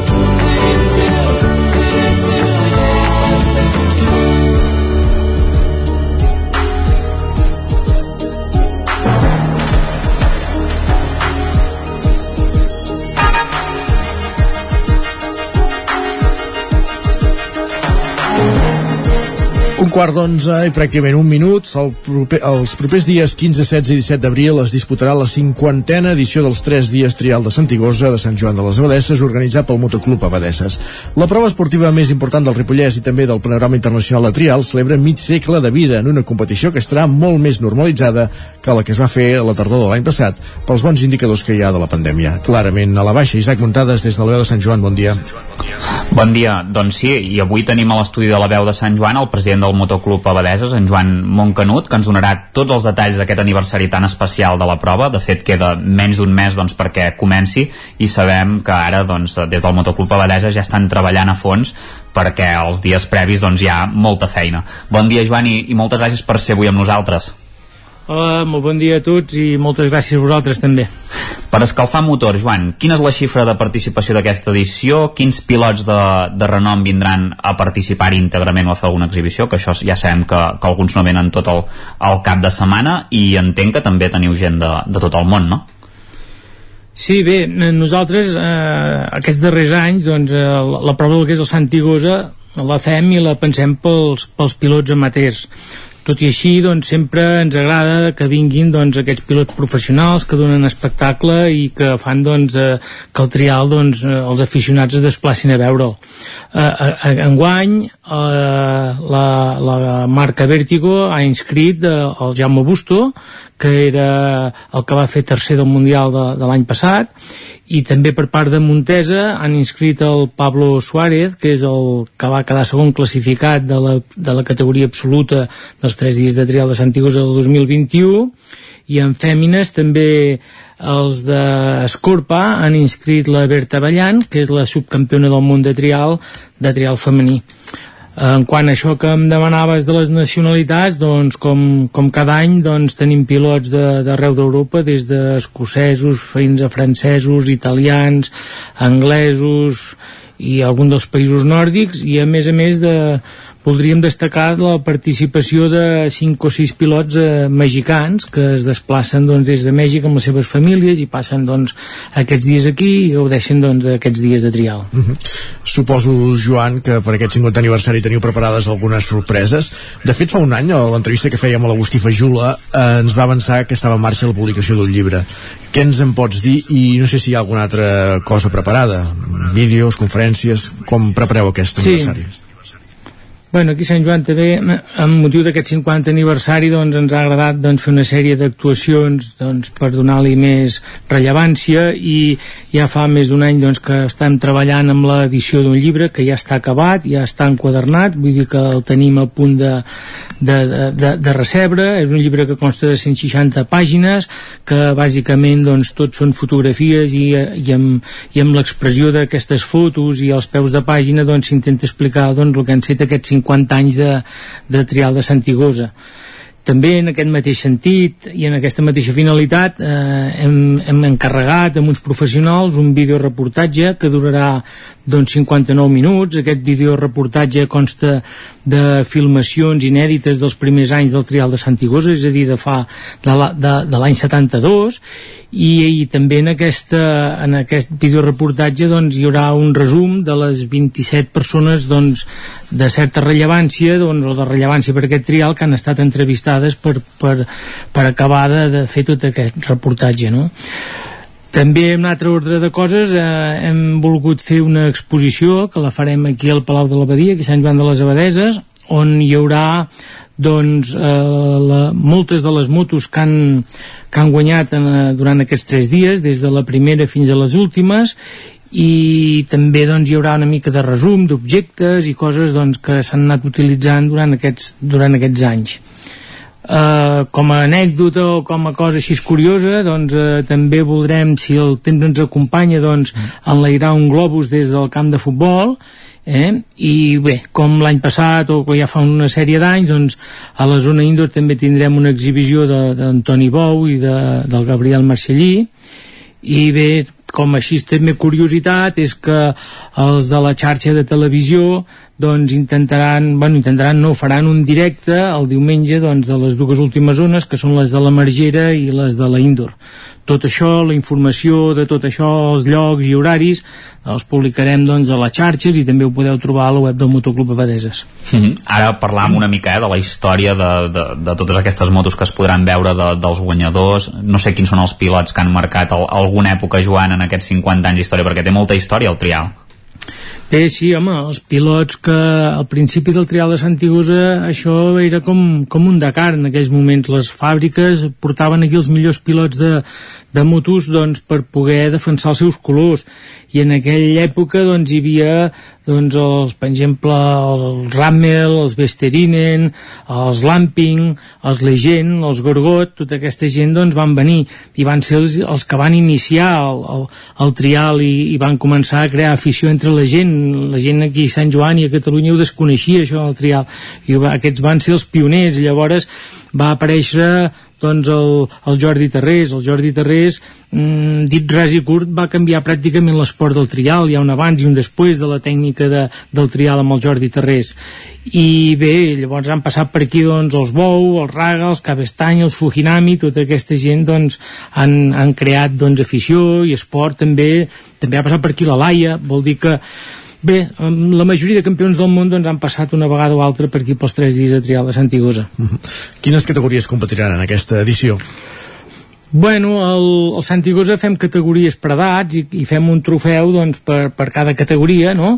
però eh, nosaltres ens marquem un sol nivell de dificultat i, i llavors fem pues, trofeus per categories i una, i una que és el guanyador absolut de, de, del millor puntuació de, tots els, de les, totes les categories que normalment doncs, són els, els sèniors. -huh. el, tema mediambiental, Joan, en els últims anys us ha fet una mica la guitza, no sé com està ara la situació, em sembla que hi ha novetats, uh, no sé si ens ho pots explicar una mica. Bueno, sí, el tema mediambiental eh, ha estat el nostre cavall de batalla durant aquests últims 20 anys, pràcticament. Llavors, eh, enguany, finalment, doncs, eh, aquest any començarem a fer un estudi d'impacte ambiental en dos o tres de les zones de, del Santigosa per poder avaluar empíricament quin és l'impacte real doncs, del trial sobre el medi natural. Uh -huh. I el recorregut d'aquesta edició com, com serà? Quantes zones hi ha? Què en destacaries? I no sé si n'hi ha alguna que ja es preveu especialment difícil. Bé, el, regut, el recorregut d'aquest any és molt similar al dels altres anys, hem volgut fer algun petit canvi, algun tros d'itinerari diferent, amb algunes zones noves, eh? però farem com cada any, eh, vaja, com aquests darrers anys, 30 zones, més la indoor, que són 31, i perquè el públic les pugui audir, doncs intentem condensar el major nombre de zones possibles entre les 11 i les 3 de la tarda a la zona del coll de Santigosa. -hmm. Llàstima que no hi pugui haver això, eh? zones d'aigua, eh? que potser també era una de les senyes d'identitat de, del trial, no Joan? Bueno, sí, és el que tenim, estem lluitant per tornar-ho a aconseguir, per poder demostrar doncs, que, que la sostenibilitat del trial a, a dintre alguna llera. -hmm. Hi haurà també, a més a més, un concurs fotogràfic de, dels tres dies de, de trial de Santigosa, no? Com, com funcionarà això?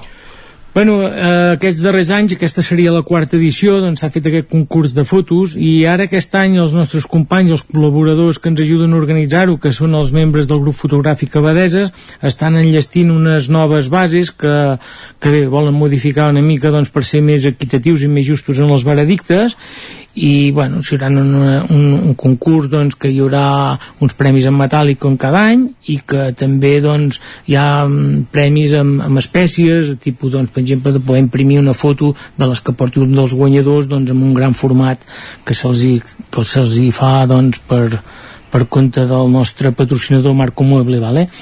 i després eh, hi haurà també el concurs d'Instagram que aquest any serà més senyit doncs, a, a fotògrafs amateurs no? d'Instagram els, els professionals no, no podran prendre en part uh -huh. i bé, i es valorarà em sembla que volen valorar doncs, el que sigui la, la foto més divertida i això I ja anem per acabar, ara toca fer 50 anys més, quan hagueu celebrat aquests 50 d'aquest any, eh? però com preveu el futur de l'entitat? Bueno, nosaltres eh, eh, veiem ara l'entitat en aquest moment arriba al cinquantenari amb molta salut i amb molta, amb molta força i amb moltes ganes mm, cada dia veiem que tenim nanos més joves apuntats i que, bueno, que això, si aquests joves s'impliquen i, i això segueix aquest camí, doncs perquè no hem de durar 50 anys més, no? Els nostres pares, els nostres pares d'Escòcia, els sis dies de trial d'Escòcia ja han celebrat el, el centenari. Vol dir que per què no el Santiago no l'ha poder celebrar? Mm -hmm. perquè a més a més sou molts socis no? teniu molts socis sí, no, l'entitat sí, tenim molts socis i més en tindríem el que passa que tenim certes limitacions per, bueno, pels temes mediambientals però no podem, no podem obrir la l'àrea a tothom qui voldríem n'anirem parlant i no sé si d'aquí 50 anys el que veurem també és trial amb motos elèctriques però això seria ja un altre debat Joan Montcanut, gràcies bueno. per ser uh, avui al Territori 17 uh, per parlar d'aquests tres dies de Santigosa que se celebraran, recordem, els dies 15, 16 i 17 d'abril a Sant Joan de les Abadesses. Gràcies i bon dia. Gràcies a vosaltres. Gràcies també, Isaac, per acompanyar-nos. Parlem més tard aquí al Territori 17. Fins després.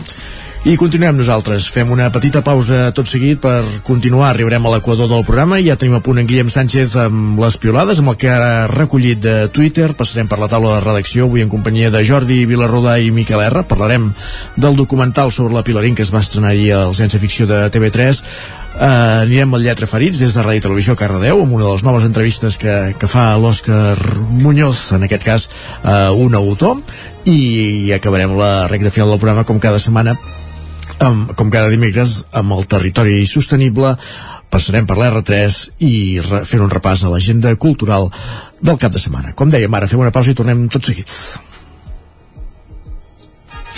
El nou FM, la ràdio de casa, al 92.8.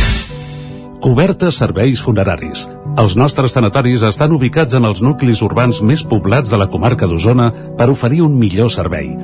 Tanatori de Vic, Tanatori de Manlleu, Tanatori de Centelles i Tanatori de Roda de Ter. Sabem que són moments difícils i per això el nostre compromís és atendre-us en tot moment amb un tracte humà, sensible i respectuós. Cobertes serveis funeraris. Telèfon 24 hores 93 883 23 46.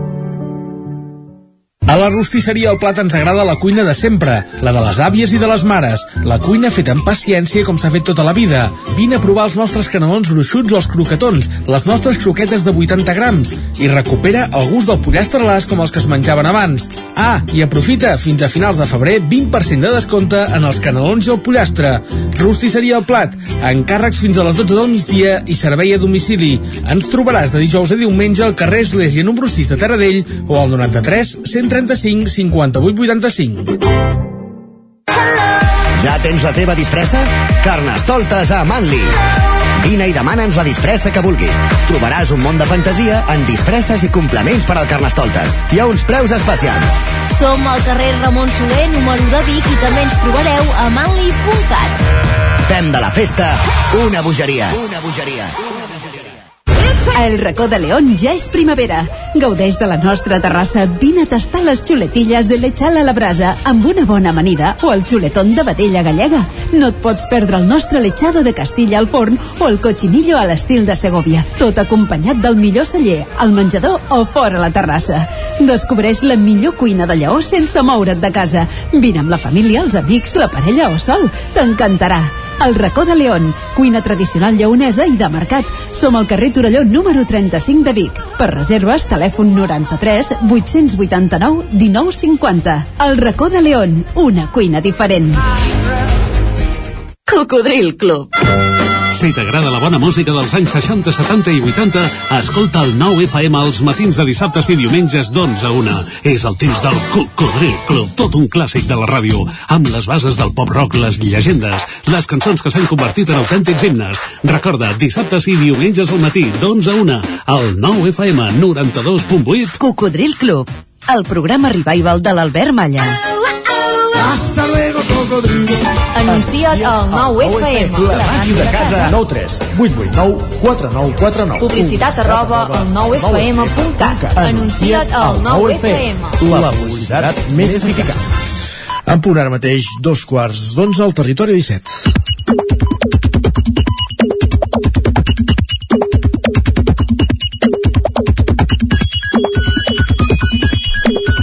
I a dos quarts d'onze, cada dia... Bé, cada dia no, eh? Ahir anava a dir, rebem la visita d'en Guillem Sánchez, ahir teníem la Natàlia Peix, que, que bé, que ens va fer una uh, fantàstica recollida de piulades, però avui sí que tornem a tenir en Guillem. Guillem, molt bon dia. Bon dia, què tal? Uh, nosaltres bé, uh, es pot dir què vas fer ahir? Uh, Vam anar, sí, vam anar a visitar els amics de la cuina de Sant Tomàs perquè ens expliquessin el seu projecte i em sembla que d'aquí pocs dies ho podrem llegir i veure al, als mitjans del Nou TV i del 9-9 també. Va, perfecte. Doncs... En conseqüència el 9 FM a darrere, també. Ah, doncs estarem, estarem al cas, va. Comencem per les piulades. De què parlen majoritàriament avui? Em sembla que hi ha un nom propi, que és la Pilarín, que hi té bastant protagonisme, oi? No, però, no? no, no, no, no, Ah. l'hem no l'hem- no vist avui, però oh. eh, en parlarem també durant aquesta setmana. Anava jo per una altra, per una altra banda. Val, val, val, tant és, ja, ja li calço jo. és que com, que és la, la En, nostra... en parlarem la taula de iaia, redacció, no patiu. Jo he de dir que no, no el vaig veure, eh, el Sense Ficció, no, no vaig veure el, el reportatge perquè estàvem liats amb el, amb el Mhm. Madrid-Barça de futbol femení i teníem, teníem aquesta feina. Doncs en parlem a la taula de redacció, no patiu. 1 a 3, eh? El futbol 1 a 3, femení, val. Molt bé, molt bé. Aquesta setmana, per això també és setmana de Carnaval, diria, no sé si n'heu sentit a, a parlar. Home, aquí Territori 17 mateix, home, uh, Carnaval a més del gros de Torelló, de terra endins. I Els ja- Champions del Carnaval. Correcte, Ara, i de ara. fet hi ha molta gent que s'està sumant al carro de la celebració. El mateix Isaac ens escriu la meva personalitat d'aquesta setmana es basa en el Carnaval de Torelló. És que en tinc moltes ganes, tio. Doncs eh. Quin Isaac? No. Isaac, Isaac Moreno? Isaac- Ets tu Isaac? No, no, no jo no, em sort pas haver fet aquesta pilada. I l'Isaac Isaac Muntades? Tenes, Isaac Tenes. Ah, Isaac Tenes, val. doncs vinga, ja, ja sabem qui és. La Xènia ens expressa també amb molta sinceritat. Crec que quan arribi Carnaval a Torelló em posaré a plorar. Suposo que deu ser de l'alegria, no?, de, de poder Home, celebrar clar. i de... I més tenint en compte que l'any passat no es va poder fer, per tant, tu ja toca. Ja toca, ja que toca. sí. El mateix Pollasso ja feia uns dies que estava molt nerviós i ja traslladava una bona pregunta a l'home del temps. Ens escrivia, a veure, comencem a estar dels nervis. Tomàs Molina, a Torelló tenim Carnaval. Com està el pati? Ui, en Pep Acosta ja ens ha avisat que no sembla que hi hagi d'haver gaire canvis. Per tant... És la gran pregunta aquesta. Una mica de perill.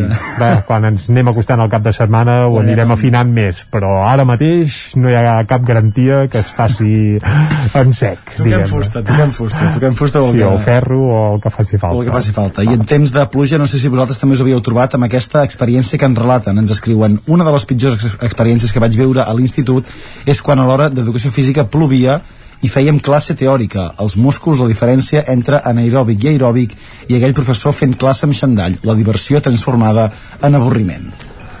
Bé, uh, natació també pot ser una disciplina a celebrar a l'hora de fer educació física, per tant una mica d'aigua tant és a dins com a fora, o tant és, tant és. De fet, en aquest sentit, la Laura li respon, per exemple, i quan es posava a ploure a mitja classe, tot això però al gimnàs, cul a terra, goteres, una pissarra vileda, que va ser esborrada per últim cop al 94, companys fent l'imbècil amb les- espatlleres, encara no m'he recuperat. Això és un altre tema. Sí, sí. Tema. Aquests dies hi ha molta gent també que ha hagut de recordar certes coses al volant. La nana ens escriu, tranquils, algun dia aconseguiré activar a la primera el límpia del vidre del darrere. Sí, aquesta també és una... Que costa, És una eh? gesta. No, és veritat. Ja l'altre dia dic, ostres, com no, pot, Com no, s'ha va, de fer? no hi va passar manera. I els antiboires amb un cotxe que no coneixes, això ja és? Això, això és nivell màxim. De fet, alguns usuaris li responien així, diu, quan vulguis parlem dels llums de, de boira, que és, també són els grans oblidats, em sembla, sí. els llums de... Els amaguen molt, eh? És que els Saps, amaguen molt. saps el teu perquè te l'ensenya el primer dia al concessionari, però els altres... O, si no, començar a tocar i que la combinació que... Que el problema, com que de boira ara n'hi ha tan poca, Ja no s'han de fer clar, servir ja, ja no es fan servir gaire i dius, ostres, el dia que sí que els necessites ja no saps ni com s'engeguen, no? El que no m'havia trobat jo mai és el que ens diu la Glòria, que li ens comenta passat jo, Glòria?" jo el sé activar i no el sé parar. He de parar el cotxe si para de ploure. Carai. Mare de Déu. Això ja és nivell, ja és nivell màxim. Va, i en temps en què les compres per internet i les comandes són el pa nostre de cada dia, sorgeixen dubtes existencials com aquest. Ens demanen, vosaltres que ho sabeu tot, quants dies han de passar per adquirir el dret de quedar-te amb un paquet dels veïns després d'haver avisat que el tens tu? Us deixen paquets a casa també de, de veïns? Jo, a mi no, però clar, és complicat perquè com que no hi soc mai, eh, si no, no m'hi trobo. Home, jo, no jo trobo. a, a alguna hora sí que m'havien deixat un paquet eh, me l'havia recollit el veí però el mateix dia ja procurar, procurava anar-li a buscar Doncs es veu que entre és- altres coses perquè quan esperes un, un paquet l'esperes El Déu està esperant, correcte. Tens ganes d'obrir-lo no? I de fet algunes de les respostes van en aquest sentit. Ens diuen aquesta vegada fins que et cansis de veure'l pel mig i l'acabis portant amb cara de pomes agres que entenc que estarà ben aviat amb l'afegit d'indicar-los que no els tornaràs a agafar cap més paquet a nom seu. Doncs bé, a veure si li agafen ja el paquet amb aquesta noia que té el dels, el dels veïns i a veure si, mm. si ja poden gaudir del que han demanat en aquesta Aviam. plataforma per internet. Doncs, Doncs val, deixem aquí. Deixem-ho aquí. Uh, tens algun paquet pendent tu, no, eh? Uh, no, no, no. no, doncs perfecte, doncs demà més, va. El que sí que tenim pendent és fer un cop d'ull a les portades del Som. 99.cat i començarem per l'edició del Vallès Oriental, que ara mateix obre explicant que les administracions es preparen per l'impacte en el transport públic de l'augment de preus del combustible.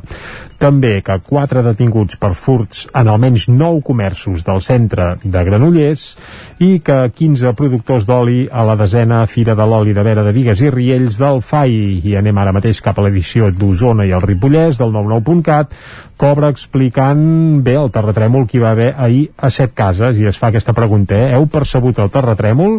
I bé, hi ha gent de tot, però nosaltres hi hem dit que, que sí que el vam notar. I en Jordi Vilarrodà, que ja s'acaba de seure aquí, ell que és de Sant Joan de les Abadesses, Jordi, tu has notat o vas notar el terratrèmol? No el vaig notar perquè estava en trajecte amb cotxe i mm. era el Ripollès però anant en cotxe no, No es es nota. nota. Han de ser molt forts, evidentment, i anant en cotxe no es nota. Doncs, afortunadament, però, no el vas notar. Sí, sí, es va notar a tota la comarca. De fet, l'epicentre mm. sembla que va ser set cases. Correcte. I a tota la comarca i fins i tot el Bisaure, Osona Nord, doncs sembla que, es- que sí, es va una mica es va, es va notar.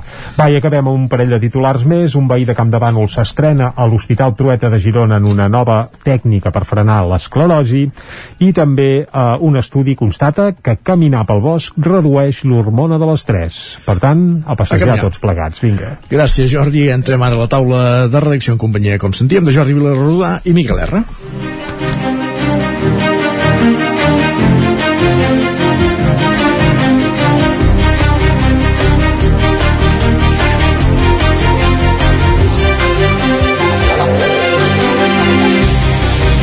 a la taula de redacció, com avançàvem fa uns minuts, parlarem d'aquest documental que s'estrenava ahir a TV3, obra de l'usonenc Dani Feixes, sobre la Pilarín Vallès. Jordi Vilarrodà, tu, tu de fet no el vas veure per la tele, o sí, no ho sé, però ja el vas veure en pantalla gran dilluns, que es va fer aquesta preestrena a l'Atlàntida, eh? Exactament, vam tenir l'oportunitat a Vic de tenir aquest petit privilegi de poder veure la preestrena del documental, l'estrena de fet eh, en, en l'Atlàntida amb la presència de la mateixa Pilarín de l'autor del documental, en Dani Feixes, i també el director de TV3, en Vicent Sanchís, entre altres, que van estar en un acte que va omplir l'Atlàntida el dilluns. O la consellera hi havia també, no?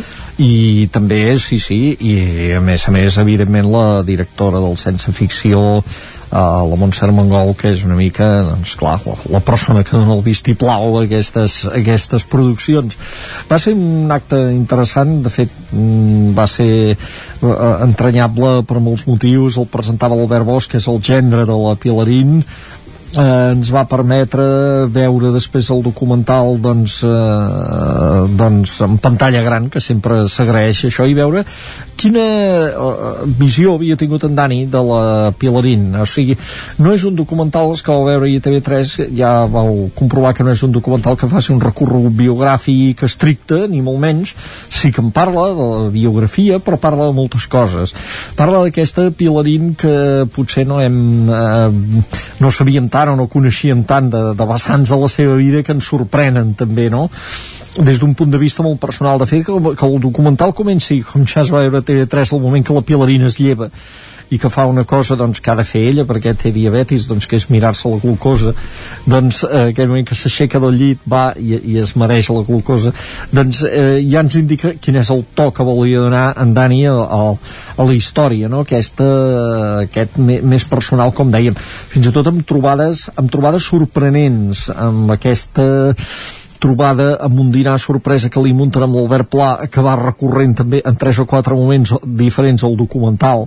O també doncs amb l'Òscar del Maum qui ja se sabia que havia col·laborat doncs amb alguns llibres amb les seves amigues per exemple amb les que va caminar. Eh, no, evidentment amb la seva família esclar també però amb gent propera com en Quico Mira el Peix que té un colmado eh, que li omple la nevera explica en un moment donat. més, un col més aviat se'n el seu assistent personal el sistema assistent personal, o, exactament. O proveïdor, exactament. o proveïdor no? A part, de, a part d'en Joan Generó, de la persona que l'ha portat amunt i avall, amunt i avall, a, a fer bolos per tot arreu, no? Uh Mhm. -huh. I i una, i una frase que diu en Mario Serra, l'escriptor que, que, que quan va conèixer la Pilarín també se la imaginava eh, més mongívola, sí. va dir ell, mongívola de monja, eh? Correcte. I, eh, diu, i vaig veure que era cabaretera, o sigui que era molt més alegre doncs, que, eh, en fi, que el que s'imaginava. Eh, vam veure coses que segurament algunes persones de Vic també sabien, però no en general, com per exemple una cosa que va sorprendre molt a tothom eh, eh, ahir jo crec va ser veure que fins i tot havia tingut l'esperit, la Pilarín, és una cosa molt Pilarín, de quan va morir el seu home, el documental parla força de, de la relació amb el seu home de l'enyor doncs, eh, que té cap a ell i, i, i de que quan va morir ella va pintar la tapa del taüt amb uns angelets eh, eh, absolutament pilarín amb el sí. seu estil i, i, que, i que li deia com ho va fer doncs eh, fent-me portar la tapa a casa. Doncs eh, eh, jo crec que moments com aquest retraten la, la profunditat de, de, de la Pilarín humana eh, i, i aquesta sensibilitat que té tan especial eh, que jo crec que queda molt ben recollida en aquest documental tota, aquest, tota aquesta part de la, de la Pilarín. Tot, eh, hi ha també doncs, eh, no sé, entre persones que intervenen ja ho va veure ahir, doncs la Roser Capdevila que generacionalment també és dibuixant i generacionalment comparteixen també aquesta condició de, eh, diuen elles mateixes fent una mica de broma de iaies de Catalunya no? Sí, sí, sí. I, i bé, jo crec que d'aquesta manera doncs amb aquest documental eh, el primer que es fa sobre un treball doncs una vida, una trajectòria com la de la Pilarina amb més de mil llibres amb 50 anys llargs de trajectòria professional eh, doncs realment es veu la seva dimensió no ens oblidem tampoc d'una altra dimensió en què es posa accent que és la feminista també, Correcte. que aquesta Sí, sí. també és molt important presentant-la també com una feminista van la letra, o sigui, una, una avançada en aquest sentit en un món que era eh, força d'homes. Eh, en resum, va ser l'estrena a I, fi- I l'Atlàntida... fins i tot el fet aquest, no?, que els Sí. fills van créixer sols, diguéssim. Sí, sí, sí, sí, això ja era Entre una cosa cometes, que, eh, diguéssim, però ja- ella ja- ja, havia, ja havia confessat algunes vegades que ella per aquestes coses de la vida quotidiana era un petit desastre i que allà a casa seva tothom s'espavilava una mica com podia i que I, i recollint el testimoni d'aquests fills, evidentment. jo, jo al cap i a la fi la cosa no havia pas sortit tan malament Correcte. vist el resultat, no? Exactament. doncs eh, aquest és el documental eh, el documental La Pilarín d'en Dani Feixes que recordem ja havia fet el documental de Boi de Sants i Rock and Roll sobre el Liverpool català sobre la moguda musical d'Osona eh, i, i que també pel sense ficció per tant en poc temps n'ha fet dos aquest amb un temps rècord, gaire en mig any doncs s'ha fet tota la producció i, i, la, i, i, i el muntatge del documental per tant tot, tot plegat amb una certa rapidesa i que ha servit doncs, per també conèixer una persona que ens sembla que tots que gairebé és com si fos de la família que tots la coneixem però hi havia coses de la seva vida que encara no sabíem i que aquest documental retrata I que també és, si posa l'accioner, que és la gran repartidora de, de fuets i llonganisses Ah, per, sí. per Catalunya. uh, cada visita un editor era una llonganissa. Però fins i tot després quan anava a veure polítics o tenia audiències amb algú important es veu que uh, fa uns anys va tenir una ocasió de poder-se trobar amb l'emèrito Sí, sí, Eh, el i, i també li va portar una llonganissa També. també li va portar una llonganissa Molt bé, Jordi, moltíssimes gràcies. Eh, el documental que es podia veure a TV3, qui no el vulgui el pot recuperar, ah, a qui no el pogués veure el pot recuperar i n'hem fet 5 cèntims amb en Jordi Vilarrodà. I continuem, gràcies Jordi, amb aquesta taula de redacció, ara com dèiem en companyia de Miquel R. Bon dia. No per parlar de Pilarín, per parlar de cuina, de l'Escola d'Hostaleria i d'una sessió que va acollir dijous molt especial, amb la presència eh, d'una primera espasa de la cuina, mundial. Correcte. An- Anem a pams. Parlem de les desena, de la desena edició de les jornades de cuina d'autor. De fet, s'havia de celebrar ara fa dos anys. És quan s'esqueia, però evidentment eh, aquests dos anys eh, de retard eh, va ser just. Això s'havia de celebrar al març de, de quan, quan arrencava pròpiament la pandèmia. L'any passat no es va poder fer. Ho han reprès ara. És una iniciativa així de caràcter pedagògic eh, singular, que és el fet de que durant un cop l'any, a més a més obrint el restaurant al públic en general, doncs els cuiner, els alumnes poden cuinar al costat de, de grans patums de la cuina de, del país, no? Hi han passat, doncs, des d'en Nando Jovany, Carles Gaig, Paco Pérez, eh, la Fina Puigdevall, eh, Quim Caselles, un gran nombre de persones que un cop l'any passaven per allà, compartien, diguéssim, el seu bagatge cuinant amb els alumnes de l'escola. Aquest any eh, s'ha volgut fer una edició especial, una mica allò amb, amb propostes a quatre mans, i efectivament dijous passat eh, iniciaven el cicle que, se, que serà de tres, de tres dijous iniciaven el cicle amb, amb tot un mite no? que es ve de la cuina Jean, Jean Louis Neichel no? eh, Jean Louis Neichel per qui no el conegui va ser una mica eh, el que va portar la novel cuisina aquí a Catalunya va desembarcar ja l'any 75 l'any 75 el Bulli, quan el Bulli, abans de que el Bulli fes l'esclat ja... Abans de abans de l'Adrià, diguéssim. Correcte, abans de l'Adrià, ell ja va portar la primera estrella Michelin al, al Bulli i llavors al cap de 5 anys, quan agafa la, les regnes l'Adrià, ell marxa, obre la seva, el seu propi restaurant a Barcelona, on va arribar a tenir-ne dues d'estrelles i durant molts anys, eh, segons ens comentava eh, en Joan Font, amb qui va compartir precisament aquest, aquest, aquest àpat a, a, a quatre mans Joan Font de l'Estanyol. Joan Font del restaurant L'Estanyol ens comentava que durant molts anys va ser a Barcelona un dels, dels restaurants de referència i pioners per tant una experiència única per aquests, per aquests alumnes poder compartir amb aquestes velles glòries recordem ara des del 2015 ell ja va tancar ja va tancar el seu restaurant està jubilat eh, van cuinar plats exquisits, la veritat, a un nivell molt alt, per tant, aquí estem parlant de plats de nivell eh, Michelin, això hauríem de demanar-ho als comensals que van omplir el restaurant, que de ben segur que van, que van disfrutar. Això va ser dijous passat, i el cicle aquest tindrà dues etapes més. Una serà aquest dijous eh, de la mà dels cuiners de la Font de Sala d'Olost, també amb Estrella Michelin i de l'Arca de Santa Eugènia i tancaran el cicle el proper 31 de març, el cuiner Joseba Cruz i el pastisser d'aquí de Santa Eulàlia, Lluc Cruselles. Per tant, això, mm, cuiners i pastissers de nivell que de ben segur que empaltaran de, de bona cuina aquests alumnes de l'Escola d'Hostaleria amb seu a Tona. I llavors hi ha aquesta doble vessant, eh? Els, els alumnes eh, participen d'aquests plats i hi ha la, qui participa com a, com a menjador, per entendre'ns, eh? diguéssim? Correcte, com que de fet té aquestes dues grans branques, l'escola de música, no? el servei de cuina, el servei de taula, diguéssim, el servei de menjador, per tant, hi ha una trentena d'alumnes, una quinzena són pròpiament els de cuina, i llavors la resta d'alumnes participen també servint, diguéssim, eh, és viure una experiència eh, amb, amb, eh, amb realitat, no? Vull dir, tal com seria un menjador, perquè realment els comensals està obert al públic en general i per tant ells serveixen a un públic obert, no? Vull dir que més enllà de la, del públic de l'escola, una bona experiència eh, així amb caràcter professional.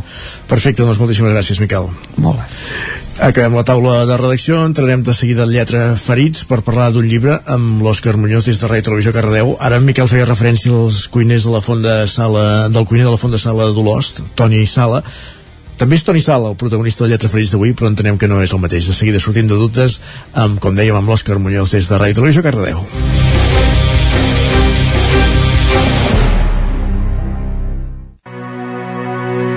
Territori 17.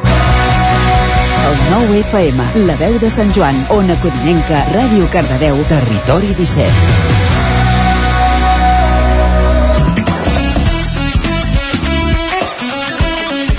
11 minuts i mig perquè siguin les 11. Com dèiem, ens endinsem a l'espai de llibres que cada dimecres tenim al Territori 17, avui des de Ràdio Televisió Cardedeu amb l'Òscar Muñoz i parlant amb un altre dels protagonistes dels permuts literaris que es fan a Cardedeu, com dèiem avui, Toni Sala. Benvinguts a un nou Lletra Ferits des de Cardedeu. Avui parlarem també dels vermuts literaris, ja que vam tenir Antoni Sala a l'Espai Gastronòmic Tarambana i ens vam apropar amb ella per parlar del Una família, el nou llibre que va presentar, com hem comentat aquí a Cardedeu, els vermuts literaris. Bon dia, Toni. Primer de tot, parla'ns d'aquest treball d'Una família, un llibre on parles de la teva etapa jove a Sant Feliu, on els teus pares doncs, duien una fonda, no? Vens de família de fundistes. I, i això, explica'ns la teva relació amb la família. Gràcies per convidar-me. A veure, uh, aquest és un llibre... Um, és un llibre autobiogràfic, per tant és un llibre vital, per tant és un llibre que el comences a escriure, el, suposo que el dia que neixes, no? O sigui, és, és un llibre que dintre dels que jo he fet tinc molt la sensació que s'ha fet bastant sol que eh, és un llibre que ha estat molt madurat eh, diria perfectament dècades perquè la història es, es deu acabar quan començo a, a la universitat més o menys, o sigui és la meva sí, és la meva infantesa adolescència i, i és això que dic és un llibre que diguem, no, no, no, no va sortir d'una manera molt natural i a base de molts anys, molts anys gairebé dècades, o sigui, és, és un llibre que eh, està molt segurament molt concentrat i molt madurat dintre del que jo pugui aconseguir precisament perquè ha estat fet eh, lentament. I és un llibre que crec que no podria de cap manera haver escrit abans perquè necessitava tenir ja una certa edat, una certa distància i especialment que els protagonistes fossin morts perquè la relació que tenim amb les persones mortes no és de cap manera la mateixa que tenim amb els vius i et dona una llibertat que al mateix temps també implica una responsabilitat respecte del que, del que toques. I, és un, i en aquest sentit és un diguem, és una escriptura eh, això que, que, que, que necessitava una, una diguem-ne així dintre les meves limitacions una maduresa Clar, queda estrany explicar-ho així o dir-ho així, però hagués canviat molt, hagués sigut un llibre totalment diferent, no?, si els personatges doncs, fossin vius. un episodi al final on parlo de la meva àvia la meva àvia encara és viva i té 101 anys i jo havia fet quatre parts una, una, la meva mare, el meu pare el meu avi i la meva àvia i la, la part de la meva àvia que feia com unes 100 pàgines perquè era, era la més fàcil de, diguem, podia parlar amb ella i així, la vaig acabar traient perquè em semblava que eh, perjudicava el llibre la immediatesa de la relació, o sigui, el fet que mm, clar, quan una persona està viva és ella, quan una persona està morta és, ets tu, el, el, el, diguem, el, el, el, que, el que relaciona amb ella, no hi ha possibilitat de, de rèplica i per tant és un, està confós els nostres morts no sabem si són ells o són nosaltres que ens els, que ens els fem no? ja ens passa amb els vius doncs amb els morts molt més Al llibre també parles de la massificació del turisme als anys 70-80.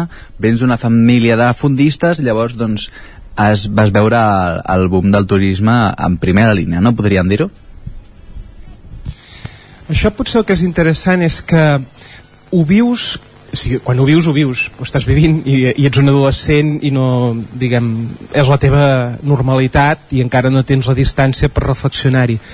Vist al cap dels anys i sobretot escrivint aquest llibre m'he donat que sí que el turisme era ja era un altre turisme que el que havien trobat els meus pares però que en realitat la meva vida respecte dels meus pares i re- respecte del turisme tampoc havia sigut tan diferent vull dir que les mateixes relacions que jo tenia amb les estrangeres o la mateixa vida diguem-ne mm, més lliure o més...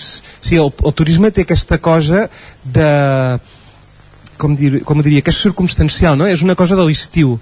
Arriba, es, se, so, se sobreposa a la realitat, se la menja, perquè eh, de cop a l'estiu a Plaja d'Aro eh, deixava d'existir el, el, la Vall d'Aro, deixava de, els teus amics, l'escola, tot, el, tot el món d'hivern quedava submergit en, la, en aquesta massificació de turistes que al mateix temps diguem, que t'anul·lava també et donava una, una gran llibertat perquè estaves una, de cop estaves en un altre món on les lleis eren unes altres on, on els, els idiomes eren diferents els, els costums i, i de cop era com si fessis un viatge sí, com si anessis tu a l'estranger en comptes que ells vinguessin aquí i, i això crec que en el cas de Sant Feliu que, que parlo de Sant Feliu és Sant Feliu, Plaja d'Aro eh? que és, és la vall d'Aro eh? hi ha Santa Cristina però Santa Cristina queda al darrere si ho coneixeu allò és, és una vall eh?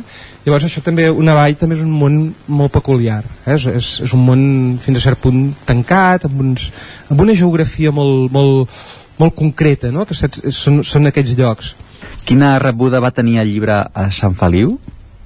Bé, home, esclar, Sant Feliu um, eh, diguem, el, el pòsit cultural és una cosa que tampoc l'arrenques tan fàcilment. Vull dir que eh, hi continua havent encara un, una, una gent d'allà que, esclar, és que això és molt immediat. La gent, allò no deixa de ser és una ciutat però no deixa de ser un poble. Vull dir, dintre de la ciutat hi ha el poble de, de tota la vida que coneixen perfectament eh, els meus, coneixien perfectament els meus pares. Llavors té un punt bastant amb, amb això també que no, clar, jo tampoc ho havia viscut eh, tant en primera persona la eh, com ho diria la, la, la recepció d'un llibre que és de de, ge- de gent que que coneix l'altra gent, no és una novel·la no? I, i no sé, ara fa un mes així vam fer això com, una, com això que fem ara allà i van, i van fer també una ruta no? que això també és, és molt curiós des del punt de vista d'un escriptor eh, veure que agafen el teu llibre i, i van a veure els, els llocs concrets i que no sé és, però no, no, jo tenia una certa por respecte de, dels meus familiars o sigui, perquè això és un llibre molt, molt interioritzat diguem pretesament molt seriós diguem-ho així i per tant mm, que està escrit des de la literatura i la literatura sempre és un àmbit on el, el més important és la llibertat és, és, és, un, és un exercici de, de llibertat d'expressió per tant tu no pots eh, diguem una de les qualitats més importants per un autor eh, és, és el valor és la- l'atreviment o la, la valentia diguem-ho així eh, que, independentment de si jo la tinc o no eh? jo puc, puc estar parlant pensant que, que jo he fet un llibre molt valent i que el llibre sigui molt covard això és igual, però és un element que és important en, el, en la redacció de les coses per tant tu quan escrius has d'estar completament alliberat de prevencions de, de, i de pors sobretot que en el cas de la família inevitablement apareixen no? per això també el fet que fossin morts també és, un, és una tranquil·litat però esclar eh, els meus hi ha, tot, hi ha tota la família tots els, els meus oncles, les meves ties que m'havien ajudat amb, amb diguem, perquè els havia anat a preguntar coses de la diguem, de la història eh, i eh, no vaig deixar llegir a ningú el llibre fins que no va estar imprès precisament per això, perquè tu has de ser prou llibre i has d'assumir el que escrius i no pot ser que tu escriguis una cosa i perquè et diguin no sé, aquí és que no sé qui queda malament o això al teu pare no li hauria agradat o i llavors l'hagis de treure per tant em vaig eh, és dir, no ho vaig deixar mirar i ho vaig publicar i, i que ja la cosa ja fos ja estava feta no? I però no eh, no sé si curiosament o no però tant per part dels meus germans com per part de, de, de tots els meus familiars no hi ha hagut ningú que, que m'hagi dit ni, ni, ni mínimament allò que m'ho podrien haver dit eh? Uh, això, això em sembla que aquí no sé què, no, al contrari tothom ha estat molt tothom s'ha sentit molt ben acollit a dintre del llibre eh? tot i que no sé si l'has llegit però és un, és un llibre que no és, no és especialment amable amb, amb, amb, amb ningú eh? Després d'acabar el llibre, quines sensacions vas tenir a l'acabar-lo? Uh, sempre quan acabes un llibre uh, tens una sensació com una mica de desconcert i d'esperar de, a veure què passa perquè tu ja has fet la teva feina i després mai saps jo, això sí que també quan deia això del, del valor i tot això també ja t'hi vas acostumant a no saber uh, què esperar no? i la meva vida d'escriptor de fet una mica com en general la vida no? que, que et va et va sorprenent i al mateix temps et va confirmant no? coses que eh, eh abans t'estranyaven al cap d'uns anys ja no te, no te, no te sorprenen.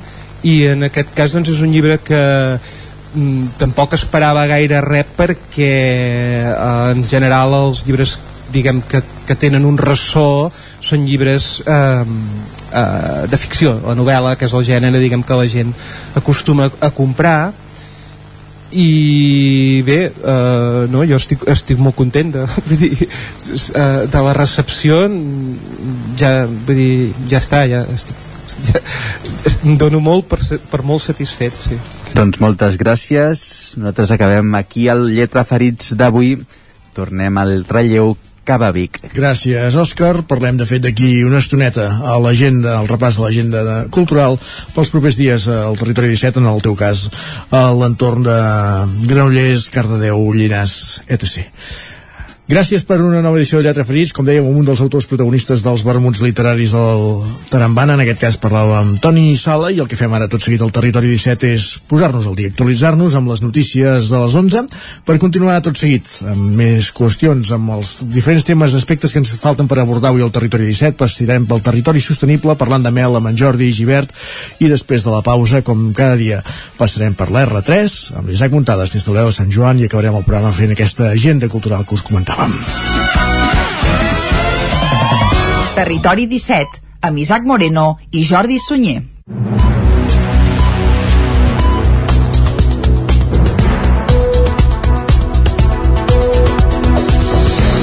En punt les 11, moment per actualitzar-nos amb les notícies més destacades de les nostres comarques, per explicar-vos ara que la ministra de Transports, Mobilitat i Agenda Urbana, Raquel Sánchez, va visitar dilluns al Vallès Oriental per presentar el projecte de recobriment de la línia R2 a Granollers i l'estació de Parets del Vallès.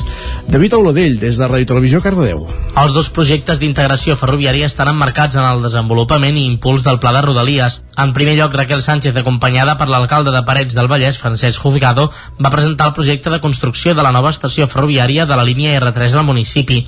Posteriorment, la ministra es va desplaçar a Granollers, on juntament amb l'alcalde Josep Mayoral va assistir a la presentació del cobriment de la infraestructura de la línia R2 entre els carrers d'Agustí Vinyamata i Josep Humbert. A tots dos actes, Raquel Sánchez també va anar acompanyada per la presidenta de DIF, Maria Luisa Domínguez, i la delegada del govern a Catalunya, Maria Eugènia Gai. Gràcies, David. Més qüestions. Rosa Morral és la nova directora assistencial de l'Hospital de Can de Bànol en substitució de Raül Otín. Compartirà la tasca amb la mateixa funció al Consorci Hospitalari de Vic.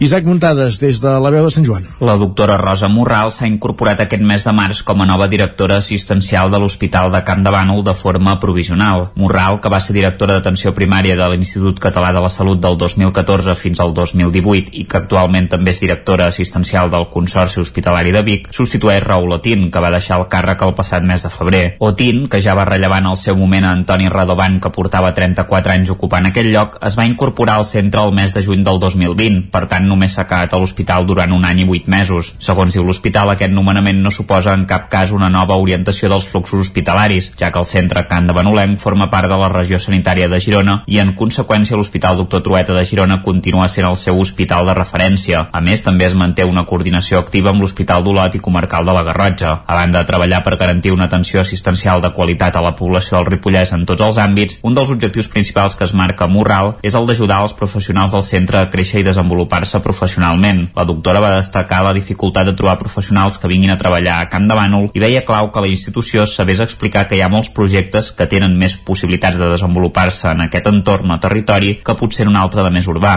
Morral és llicenciada en Medicina i Cirurgia per la Universitat Rovira i Virgili i especialista en Medicina Familiar i Comunitària i va treballar a l'Hospital de Valls i a l'àrea bàsica de salut de Reus del 1997 al 2000. Des d'aquell any fins al 2011 va exercir de metge de família en diferents equips d'atenció primària, els tres darrers com a directora de l'ABS Vall del Tenes. Entre el 2010 i el 2011 va dirigir el Servei d'Atenció Primària del Baix Vallès abans d'ocupar els càrrecs més recents. Gràcies, Isaac. Més qüestions. L'acord per la millora de la qualitat de l'aire a Catalunya estableix que tots els municipis de més de 20.000 habitants hauran de disposar abans d'acabar el 2025 de zones de baixes emissions. A Osona, la mesura afecta a Vic i Manlleu i a la resta del territori 17 també està afectada les franqueses del Vallès. Abans d'acabar el 2025, Vic i Manlleu, els dos municipis de més de 20.000 habitants d'Osona, hauran de posar en marxa zones de baixes emissions, on es restringeix la circulació dels vehicles més contaminants. L'acord per la millora de la qualitat de l'aire de Catalunya, signat entre Generalitat, ens locals, organitzacions i agents socials i econòmics, estableix que s'hauran d'aplicar a tots els municipis de més de 20.000 habitants. Des dels dos ajuntaments usonencs demanen polítiques i ajuts d'àmbit general per facilitar la renovació o l'adequació del parc de vehicles. Escoltem per aquest ordre Fabiana Palmero, regidora d'Urbanisme i Mobilitat de l'Ajuntament de Vic, i a Maite Anglada, regidora de Medi Ambient a Manlleu. Estem penalitzant aquests cotxes eh, que tenen més anys i que en general són de gent que té menys poder adquisitiu que per això els té no? per tant entenem que ha de venir acompanyat d'altres mesures de poder canviar els cotxes, de foment el canvi de cotxes i que aquestes mesures evidentment no poden ser municipals sinó que han de ser en una altra escala. Però per descomptat que qualsevol mesura que nosaltres apliquem ha d'anar acompanyada per promoure que la gent pugui facilitar canviar-se aquest vehicle o bé que és una mica el debat que s'està portant ara, no? O bé que es pogués arribar a arreglar el vehicle de manera que no sigui tan contaminant. L'Ajuntament biguetà, que té en marxa altres iniciatives de disminució del trànsit rodat com les illes de Vianants, ja ha engegat un assessorament per establir les zones on s'hauria de limitar el trànsit i per saber també quin seria l'impacte de la mesura en els vehicles. Escoltem a Fabiana Palmero. El que passa que el municipi és un municipi que no és gaire extens a nivell urbà. Per tant, estem estudiant a veure quina és la millor alternativa, quin és el millor traçat, quina és la millor zona eh, per poder eh, marcar com a zona de baixes emissions. No sabem si han de ser tot el municipi o com s'ha de gestionar. I tècnicament ho estan valorant. L'acord per la qualitat de l'aire a Catalunya fixa com a objectiu la reducció d'un 15% de les emissions de diòxid de nitrogen i de partícules en suspensió per l'any 2025. El full de ruta també contempla la revisió del protocol davant d'episodis ambientals de contaminació, l'avenç en la mobilitat sostenible i l'aprovació a aquesta legislatura de la Llei de Qualitat Atmosfèrica. Representants polítics i tècnics participen en un acte organitzat per Creacció Osona que convidava a reflexionar sobre quin ha de ser el futur de la comarca. Una conversa que va tenir lloc a la sala Joaquim Maideu de l'Atlàntida i que va conduir el director editorial del 9-9, Agustí Danés. Doncs de seguida anem a aquesta informació d'aquest acte que es va fer, recordem-ho, dijous passat a l'Atlàntida de Vic. L'acte es va basar en un treball que el Consell Comarcal va iniciar ja l'any 1992 i que amb el nom de Pla Estratègic Osona 21 establia un full de ruta per abordar els reptes d'aquest nou segle. Des de llavors s'ha avançat en alguns àmbits. El més destacat, la consolidació de la Universitat de Vic, Universitat Central de Catalunya. En altres aspectes, però, la comarca s'ha estancat. Osona manté el repte de desdoblar la R3 i encara té pendent, per exemple, també la transformació del sector agrari pel que fa a la R3 però el primer el tinent d'alcalde de l'Ajuntament de Vic, Josep Arimany, es va mostrar molt optimista. L'escoltem. El tram Centelles-Vic és un, un tram, tampoc que no té gaires complexitats. El tram de Montcada us puc dir de primícia que s'està avançant molt. Veurem a, a Osona, veurem el 2030, es anirà fent per trams, no? El 2030 jo penso que pot estar consolidat. Soc optimista. Jordi Julià diu, em mira d'una manera, soc optimista, però veig que els trams es compliran. De cara al 2030, doncs, potser haurem de deixar de fer la trenc d'alba aquí, a Territori 17, és a saber. O sé on serem el 2030. Ah, exacte. Més qüestions. El Moianès plora la mort de Carles Illa, l'home del temps de Mollà, que era el campàs des d'una codinenca. Carles Illa era conegut a la comarca del Moianès com un referent de la fotografia i la meteorologia, als quals va dedicar gran part de la seva vida. Illa moria aquest dimarts a la matinada a l'edat de 73 anys, segons feia saber la seva família en un tuit a través del compte Meteo Moià, que recull un ampli ventall d'imatges relacionades amb el temps a la comarca del Moianès. Illa va destacar per combinar les seves dues grans passions, convertint-se en un gran observador de la meteorologia i la natura. Com a resultat, ha deixat un llegat de fotografies sobre fenòmens meteorològics, flora, fauna i paisatges de tota mena. L'afició per predir el temps el va portar a crear la seva pròpia estació meteorològica a Mollà l'any 2006, des d'on diàriament recollia dades que servien de referència a canals oficials. Va ser, de fet, un col·laborador discret i habitual de meteoròlegs de diferents mitjans de comunicació del país, alguns d'ells com Alfred Picó i Francesc Mauri van lamentar a les xarxes socials la seva pèrdua. A més, en la seva vessant més fotogràfica va retratar fenòmens socials i culturals del Moianès, especialment les festes populars. Tot plegat el va convertir en un autèntic documentalista creant un ampli arxiu fotogràfic. La seva tasca li va valer la distinció de col·laborador notable del fons de l'Enciclopèdia Catalana portant fotografies de diferents monuments d'arreu de Catalunya. Les seves imatges també s'han pogut veure en diferents mitjans locals com la revista Tosca o el Regió 7. Gràcies, Caral, i obrim ara la plana cultural. L'Atlàntida de Vic es va omplir dilluns al vespre per veure la preestrena de La Pilarín, un documental de Dani Feixes que repassa la trajectòria de l'artista bicatana amb el testimoni de familiars, amics i professionals de la cultura. La pel·lícula es va poder veure ahir a la nit a TV3. L'acte de preestrena del documental el va conduir l'aventurer Albert Bosch, gendre de La Pilarín, que va començar recordant que l'artista bigatana és la primera d'Europa en fer mil llibres, tot i que mai fins ara, però, li havien fet un documental documental. L'escoltem Albert Bosch. Una senyora que, entre moltes coses, fa poc va celebrar que ha il·lustrat més de mil llibres. A Europa no sé si hi ha ningú que pugui dir-ho, almenys a Europa, i a fora d'Europa imagino que menys. Més de mil llibres a la seva trajectòria. Ha fet un munt de quadres, de dibuixos, de, de cartells, de, de tot. Li han fet un munt d'entrevistes. Però és la primera vegada que li fan un documental sobre la seva vida. El documental, dirigit per l'usonenc Dani Feixes, aprofundeix en l'espai més íntim de la Pilarín, el seu pensament i també les seves idees. Tot, però, va venir d'un cafè al Gravat de Vic entre el mateix Feixes i Oriol Sala, propietari del Gravat i parent també de la Pilarín. Escoltem a Dani Feixes. Tot això va començar un dia allà al Gravat amb l'Oriol i d'allà no, que vam dir hosti, s'hauria de fer un documental a la Pilarín com ho podem fer, com ho vehiculem i tal acabem aquí, no? Ara amb quasi 800 persones i aquí amb una superpantalla i demà s'estrena a TV3 i hi hauran milers de persones. El director de TV3 també va ser a la preestrena i va voler confessar que un dels primers llibres que es va trobar al despatx quan va accedir al càrrec va ser precisament un de la Pilarín. Sanchís també va voler definir la ninotaire bigatana amb una de les frases que apareix al documental. Escoltem a Vicent Sanchís una senyora que podries imaginar que té una visió més aviat mongívola de la vida i no, més aviat és una cabaretera.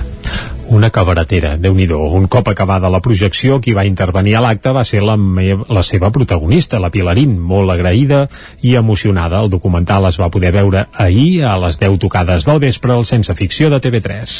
Al febrer de 2020, Centelles inaugurava el Niu del Palau, l'espai expositiu del Palau dels Comtes, amb una exposició feta expressament per l'ocasió pel pintor santellenc Josep Musac. Ja llavors hi havia sobre la taula el projecte d'una mostra al Centre d'Art al Marçó Vell per commemorar els seus 90 anys, que farà el mes que ve. La pandèmia, però, ha acabat condicionant aquesta nova exposició, que es va inaugurar diumenge i que Musac ha centrat en la Covid-19. Josep Musac ha pintat el coronavirus. L'ha plasmat com un monstre que deixa les fulles sense saba en la pintura que rep els visitants a l'exposició titulada Obra recent al Centre d'Art al Marçó Vell de Centelles. El monstre també apareix més petit en altres quadres que hi ha a la mostra. L'exposició que s'inaugurava aquest diumenge commemora els 90 anys que el pintor centellenc farà el proper mes. Els quadres, creats des que va començar la pandèmia, retraten aquests darrers dos anys des de diferents punts de vista, ho explica el mateix pintor, Josep Musac. Hi ha molts com monstres, hi ha molts llocs de, de moltes branques que si quedem allà enredats és molt difícil sortir-ne o sigui, de la pandèmia aquesta és molt difícil sortir-ne i les branques el brancatge que jo pinto doncs també és molt difícil sortir-ne.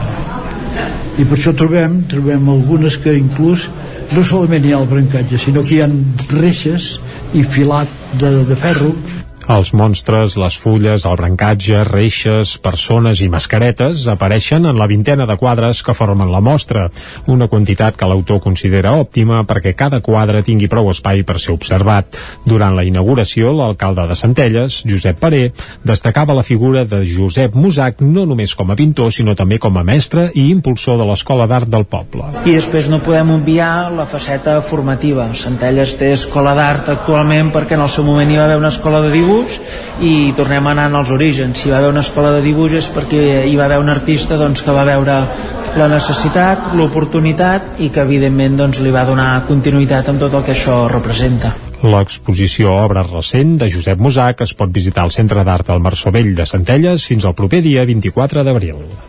I a Viladrau, la pastisseria Font fa 125 anys. El negoci, que ara està en mans de la quarta generació, va obrir les portes l'any 1897 i actualment és el comerç més antic del poble.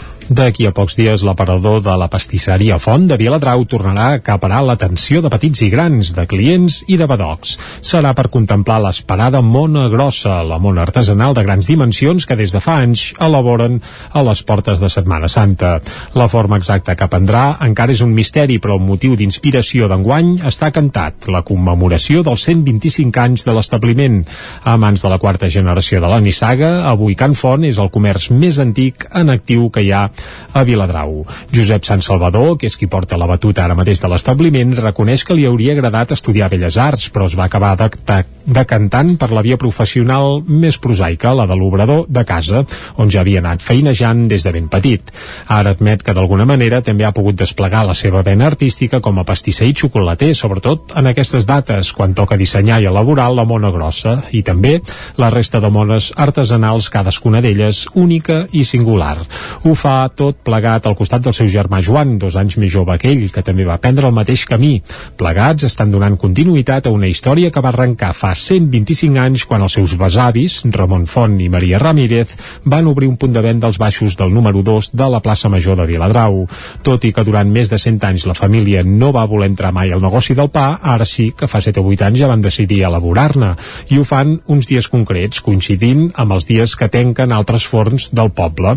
Arran de la pandèmia el que han fet també és replantejar horaris. Ara mateix la botiga obre tots els caps de setmana i festius i entre setmana només obre els dimecres. Actualment no hi ha una cinquena generació que asseguri la continuïtat del negoci, però els dos germans Font tenen clar que tenen corda per anys.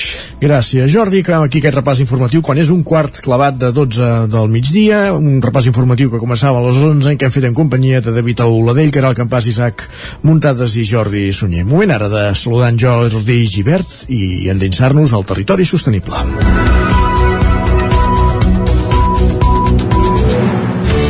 Territori 17. Envia'ns les teves notes de veu per WhatsApp al 646 079 023. 646 079 023. WhatsApp Territori 17.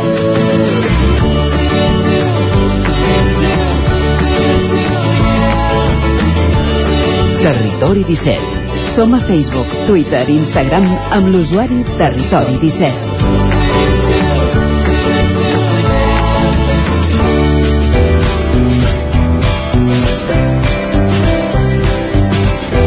Doncs com dèiem, moment d'endinsar-nos al territori sostenible amb en Jordi Givert, com cada setmana des d'Ona Codinenca, coneixen experiències de sostenibilitat dins del territori i avui parlant amb un productor de mel. Anem fins a Santa Maria d'Oló. Jordi Givert, bon dia, com estem?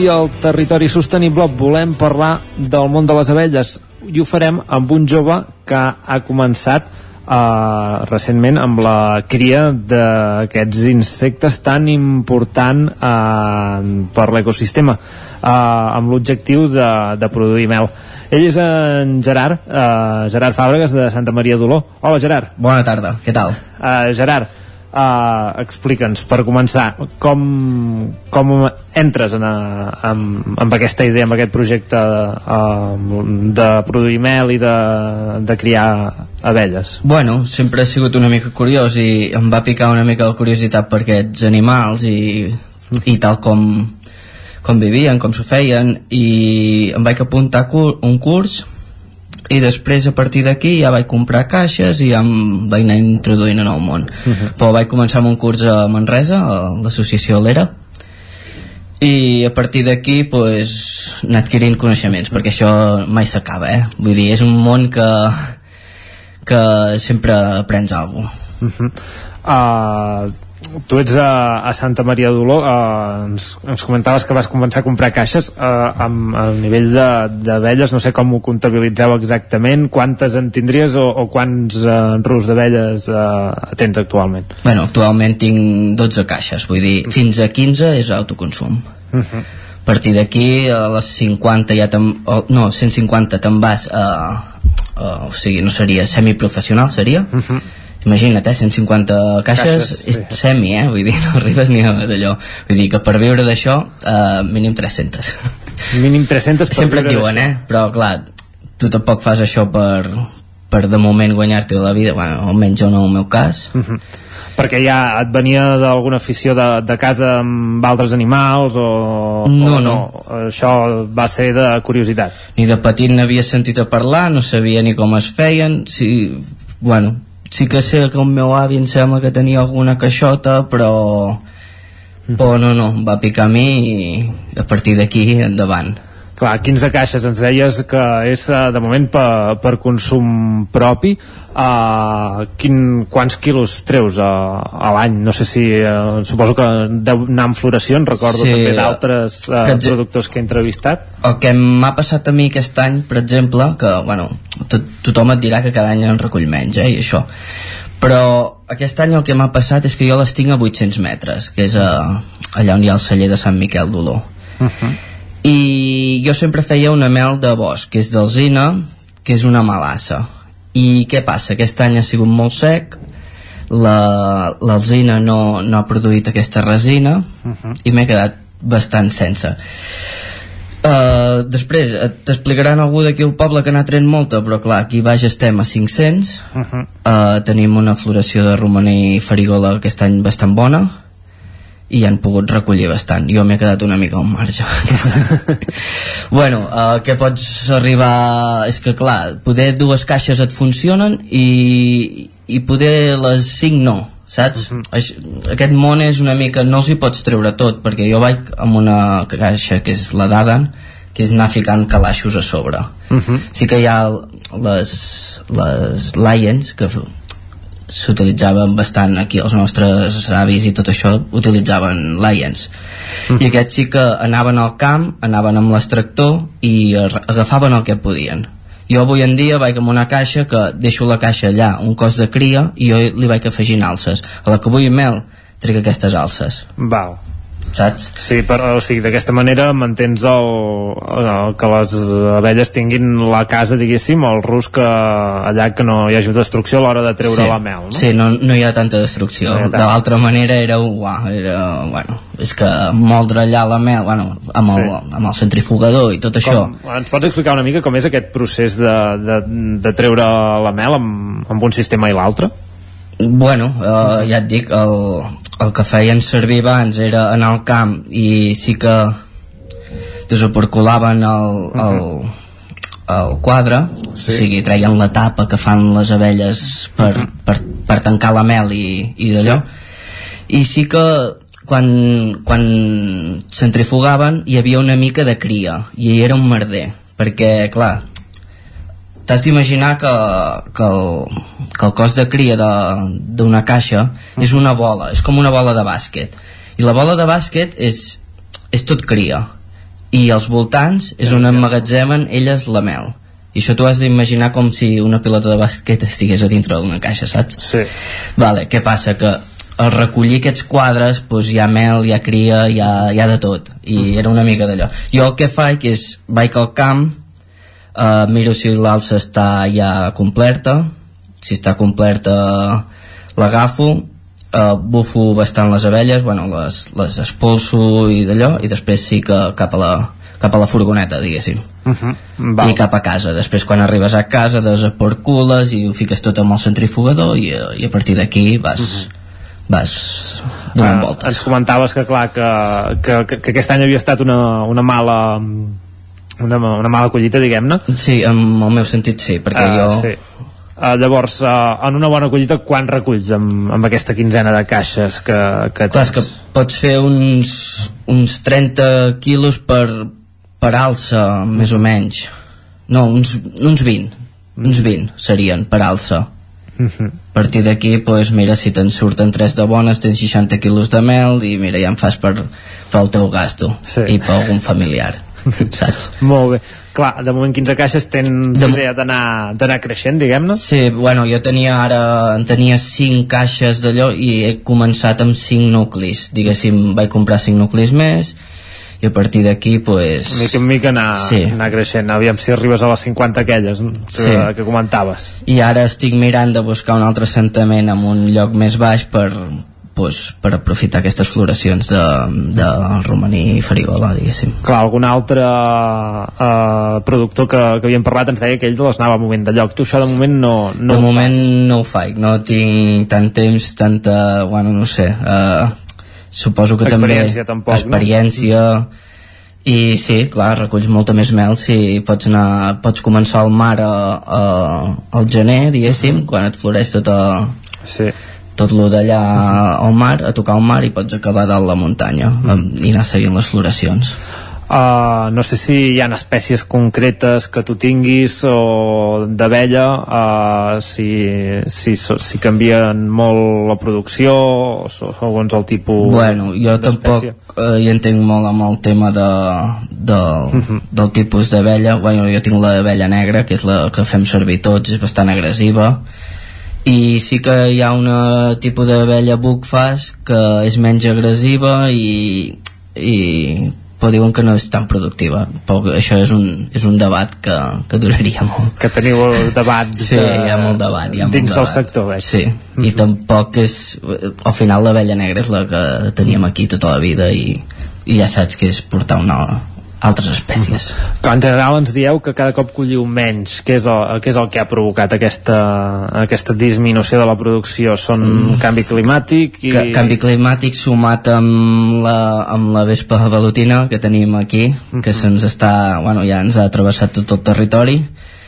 I amb això també hem de, a la primavera hem de treballar molt perquè no ens facin nius a prop de, de lo que seria el nostre lloc de vol de les nostres abelles i sí, ja cada dia és més complicat el, la, el tema Llavors, de eh, l'agricultura heu de dedicar un temps a, a, a trampejar tot el bosc. a fer fora tots la, els nius de, de vespa que, que hi hagi a prop del, del Bu- vostre camp, diguéssim. Bueno, un cop ha, un cop hi ha el niu ja està, ja, ja, sí. ja l'hem fotut al pal. Perquè hem d'agafar la, o sigui, la, la, la reina de la velutina a la primavera s'enterra i és quan viu sola. Ah. Bueno, primavera, bueno, Sí. a, a l'hivern. Hivern. A l'hivern. I quan, quan surt a la primavera, surt sola. Uh -huh. I és aquí quan s'ha d'actuar i s'ha d'agafar aquesta reina perquè després farà un, un niu primari després farà el niu que tots coneixem d'una pilota de bàsquet Sí. Uh -huh. és aquí on s'ha d'agafar quan ella surt a buscar menjar Mhm. de quan surt d'estar enterrada diguéssim és quan va sola després ja hi ha un imperi després després Ja, eliminar-ne una és, És és, és una tonteria saps? vull dir Molt bé, doncs, Gerard, moltes gràcies per explicar-nos una mica aquesta, uh, aquest món i, i com, com treballeu, encara que sigui uh, de manera casolana, volíem conèixer també la, la teva experiència. Mm. I, I bé, nosaltres us deixem amb els companys del Territori 17 que seguiran explicant la- l'actualitat local dels pobles i comarques. Fins la setmana que ve. Doncs moltes gràcies, Jordi, per acostar-nos avui, en aquest cas, doncs aquesta experiència ben, ben divertida, mel, mel dolor. Mel dolor que ens ha deixat amb la mel als llavis i amb una mica de gana, per tant ara el que farem és una pausa de 3 minutets per poder anar a tastar mel, si s'escau, i tornarem a dos quarts en punt, com fem sempre, anant a la R3, a la Trenc d'Alba, i avui que és dimecres acabarem amb l'agenda cultural per aquest proper cap de setmana, un cap de setmana marcat pels carnavals. Uh, repassarem més històries i més propostes a la part final d'un Territori 17, que torna ara mateix. Fins ara. Territori 17 Envia'ns les teves El nou FM, la ràdio de casa, al 92.8. Arriba la primavera i tornen les samarretes. A Gràfic Cert tenim una extensa varietat de samarretes per vestir el teu personal, promocionar la teva empresa, club esportiu, associació... Si estàs organitzant un esdeveniment esportiu o una festa cultural, una samarreta és una bona opció per lluir la teva marca. Ja ho saps, si el que necessites per la teva promoció és una samarreta, Gràfic Cert és el teu proveïdor. I ara també tenim a la teva disposició samarretes 100% reciclades tant de cotó com de polièster. No esperis més i truca'ns al 93 886 12 15 o visita'ns a graficcer.com. Al restaurant Xavito Gastro de Vic hi trobaràs una cuina mediterrània i de mercat amb gran varietat de plats, amb arrossos, carn o peix fresc de la llotja cada dia. Vine a dinar de dimarts a divendres i prova el nostre menú diari per només 15 euros o a les nits de dijous a diumenge tastar el nostre menú degustació amb arrossos i tapes per 25 euros. Restaurant Xamito Gastro. Ens trobaràs al carrer Callnou número 9 de Vic i al telèfon 93 094 1172 o al 747 42 92 58. A El Racó de León ja és primavera.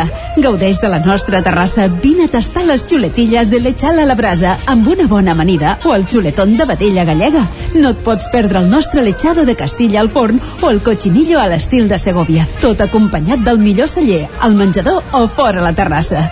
Descobreix la millor cuina de Lleó sense moure't de casa. Vine amb la família, els amics, la parella o sol. T'encantarà. El racó de León, cuina tradicional lleonesa i de mercat. Som al carrer Torelló número 35 de Vic. Per reserves, telèfon 93 889 1950. El racó de León, una cuina diferent.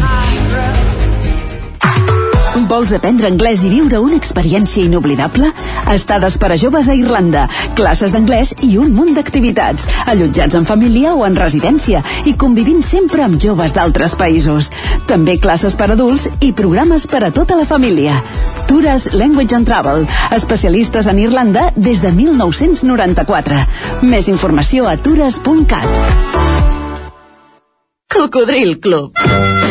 Si t'agrada la bona música dels anys 60, 70 i 80, escolta el 9 FM els matins de dissabtes i diumenges d'11 a 1. És el temps del Cocodril Club, tot un clàssic de la ràdio, amb les bases del pop-rock, les llegendes, les cançons que s'han convertit en autèntics himnes. Recorda, dissabtes i diumenges al matí, d'11 a 1, al 9 FM 92.8. Cocodril Club, el programa revival de l'Albert Malla. Hasta luego, cocodrilo. El 9 FM, la ràdio de casa, al 92.8.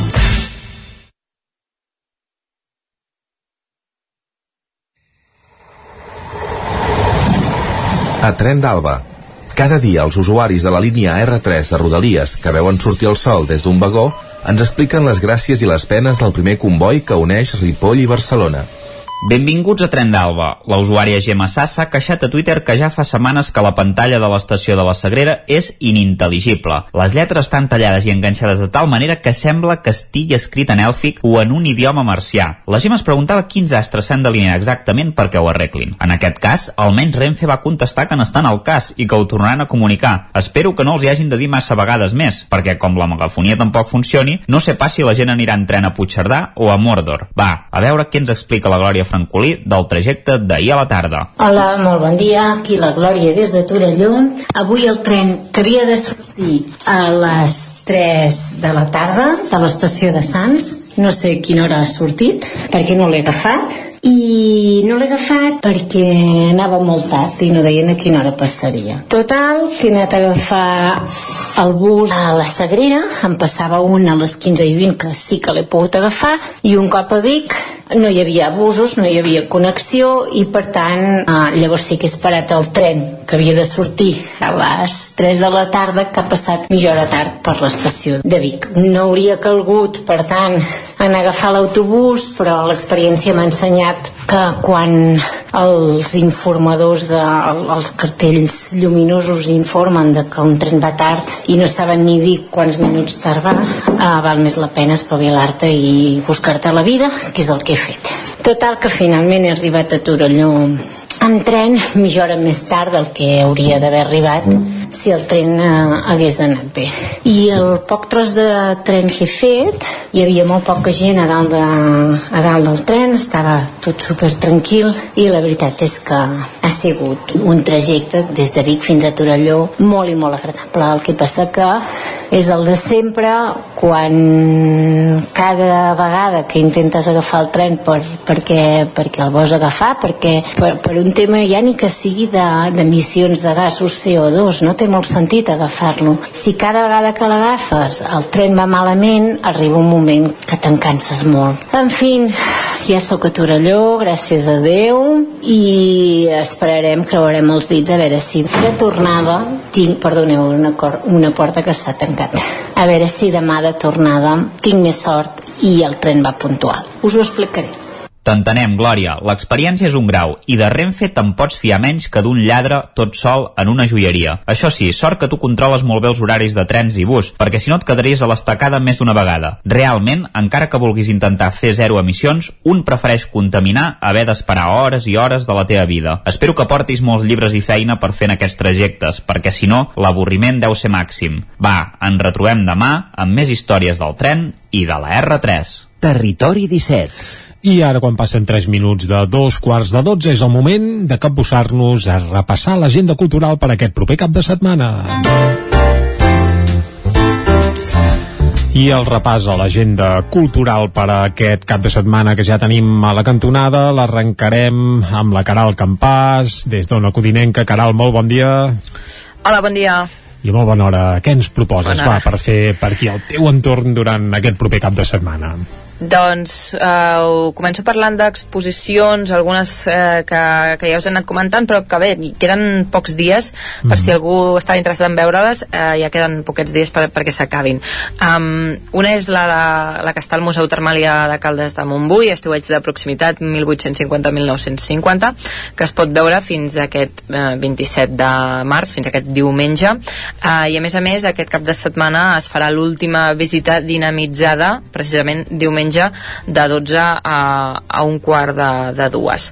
També tenim una altra exposició en dansa, aquesta té una mica més de marge, qui vulgui mm, veure-la, és uh, L'aigua és vida, que es pot visitar fins al dia 3 d'abril, també a Caldes, però no al Museu Termàlia, sinó a la Sala del G.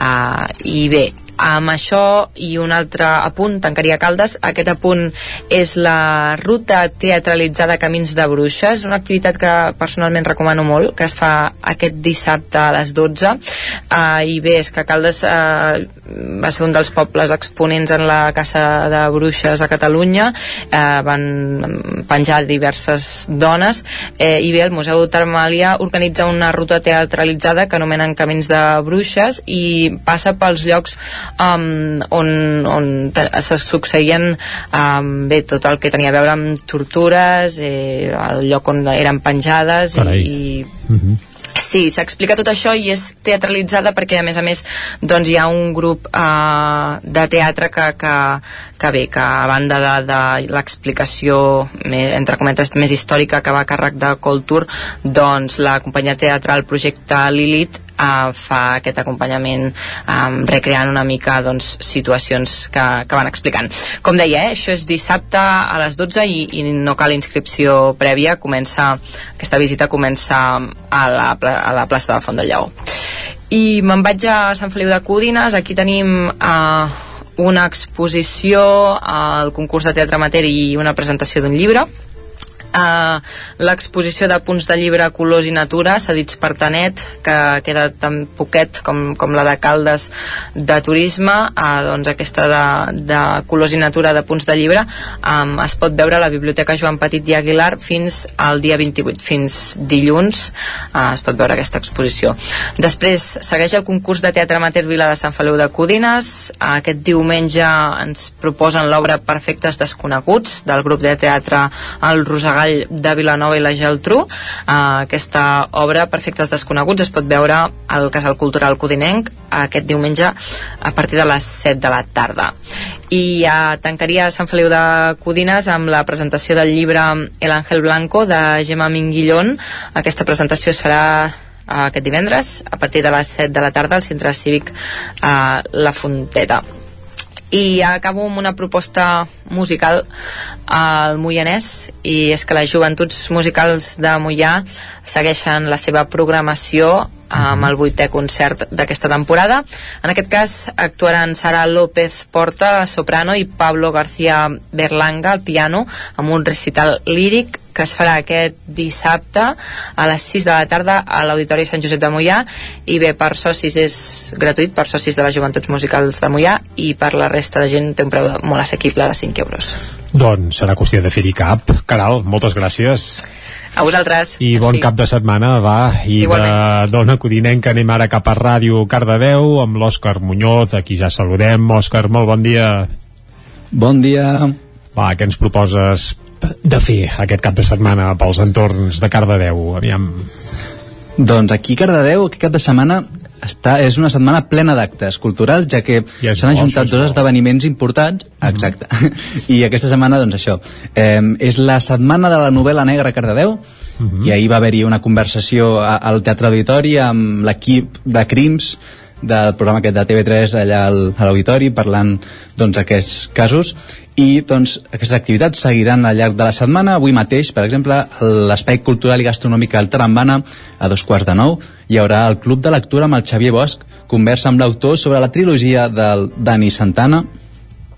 Mm. Demà dijous a la cerveseria Sant Jordi a les 7 hi haurà l'estudi del cas amb la Tura Soler del Pantà de Susqueda amb la presentació del llibre El Pantà Maleït Divendres a la llibreria Espai 31 a dos quarts de set hi haurà la presentació del llibre Després de la vergonya amb l'autor Marc Moreno i dissabte hi haurà dos, hi haurà dos activitats. La primera a l'espai gastronòmic Tarambana hi haurà el vermut amb l'obra del passat de la novel·la negra. Hi haurà això doncs també a part de, de presentar això, hi haurà com una taula rodona amb la Susana Hernández, la Graciela Moreno i la Raquel Gómez Serrano.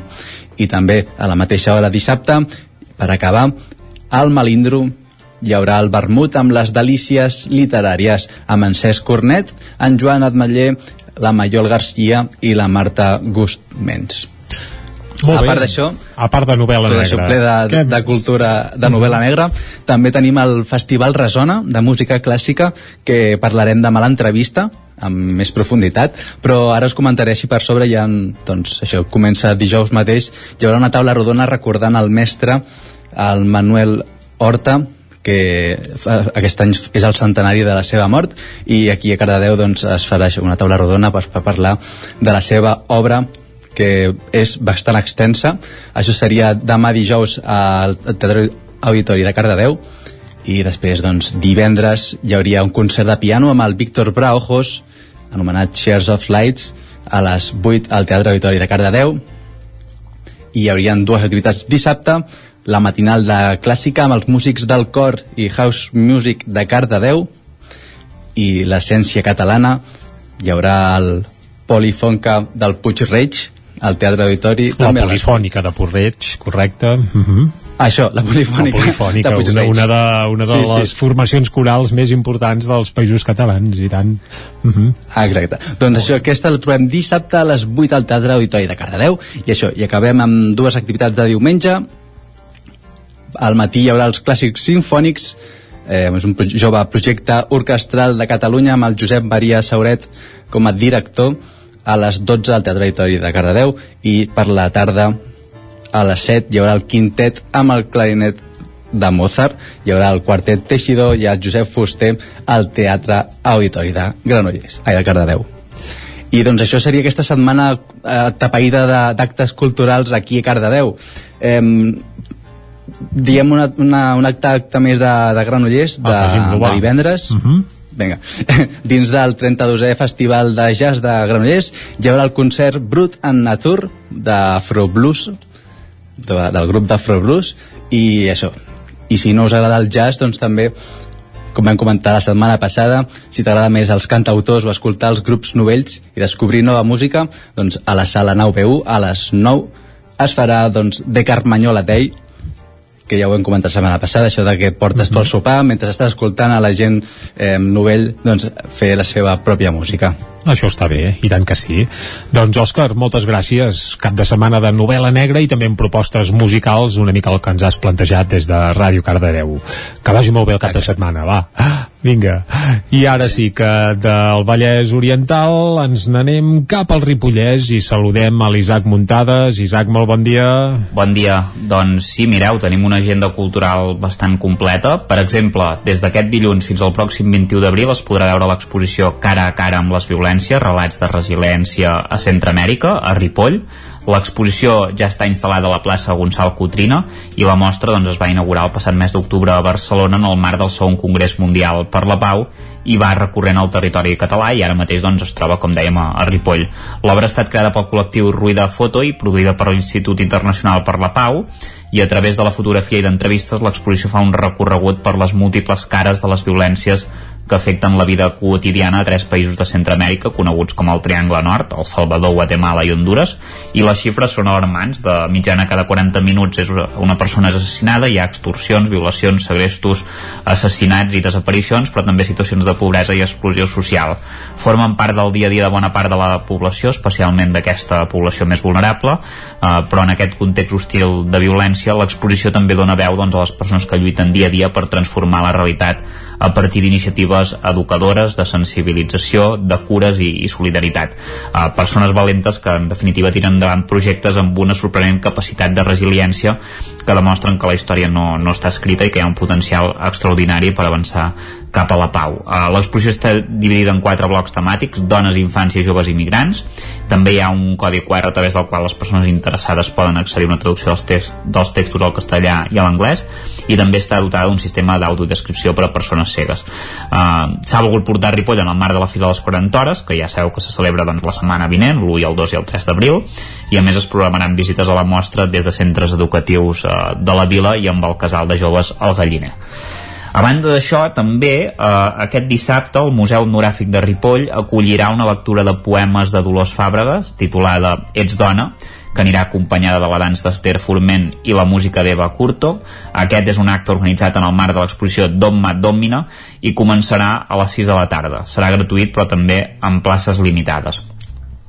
Dissabte, eh, encara, però a Can Bànol, la sala Diagonal acollirà un concert solidari pels refugiats d'Ucraïna que començarà a les 6 de la tarda i acabarà a les 11 de la nit i tindrem a Jordi Ballesteros, el teatre, teatre amb Sol Solet, les cantarines, Vintage Rock i també hi haurà un taller eh, impartit pel cau dels vàndals, a més a més d'un concert també d'enrock.cat. La recaptació es destinarà íntegrament a la Creu Roja per, a, per a, doncs, pal·liar els efectes d'aquest conflicte a Ucraïna, d'aquesta invasió eh, de Rússia sobre Ucraïna. I encara dissabte hi haurà una obra de teatre, eh, una teràpia integral es, es titula, amb Abel Folk, Àngels Gunyalons, Roger Coma i Andrea Ross, sens dubte un cartell de luxe, eh, per, en, per poder-hi accedir doncs, l'entrada anticipada serà de 15 euros i de 18 a la taquilla. I bàsicament l'argument de l'obra és molt senzill eh, Antoni Roca és un dels protagonistes fa més de 10 anys que imparteix un curs intensiu de 4 setmanes per aprendre a fer pa hi ha poques places i bufetades per apuntar-s'hi i els alumnes que s'inscriuen doncs, volen aprendre doncs, això, a fer pa. Però el mètode parteix d'una simple i estranya premissa doncs, que per fer un bon pa no fa falta ni tenir la millor farina o la llevadura més fresca sinó que s'ha d'estar bé amb un, amb un mateix, així de simple. Veurem doncs uh -huh. com, com és aquesta obra. Segurament és molt interessant i amb actors realment de, de nivell i aquest diumenge a les 6 de la tarda, eh, per acabar, l'Associació de Teatre Ripollesa Marià Font presenta la seva obra per llogar i cadires, dirigida per Ramon Prat. Serà al Teatre Municipal de Ribes de Freser i el preu de l'entrada és de 10 euros i es poden comprar de manera anticipada a l'oficina de turisme. uh, l'obertura de portes i la venda a la taquilla serà a les 5 de la tarda per tant doncs uh, si podeu anar a Ribes de Freser a veure teatre també hi ha aquesta opció i res, fins, la, fins divendres que us explicarem una mica doncs, com es presenta el cap de setmana en matèria d'oci que hi ha bastantes coses eh? també hi ha Carnaval a, a Sant Joan i, i d'altres activitats que també són molt interessants i tant, i tant, no en tenim cap dubte Isaac, moltes gràcies, divendres repassarem l'agenda de Carnavals n'hi ha Sant Joan de les Abadesses també n'hi ha Torelló, és el gran cap de setmana de Carnaval de Torelló i en Jordi Vilarrodà no sé si anirà al Carnaval de Torelló o no però ja el tenim aquí per repassar l'agenda de teatres i auditoris i propostes culturals per aquest cap de setmana que vam fent la ruta, doncs com sempre ho fem a Osona. Jordi, molt bon dia. Hola, molt bon dia. Uh, aniràs de Carnaval per això? No, no ho tinc previst, no, no, no, no, tinc, no, tinc, no tinc gens previst anar de Carnaval. Però, entre altres coses, no tinc previst anar de Carnaval... Mm, perquè hi ha altres primer, no, no, no, no, soc gaire, no soc gaire carnavaler, eh? però també perquè, eh, a diferència d'altres vegades, o sigui, de quan el Carnaval es fa quan toca, eh, el, sí, el, el, aquest, aquell cap de setmana queda gaire aquell cap tot de setmana buit, eh? queda desert, sí, queda desert, un, un clàssic.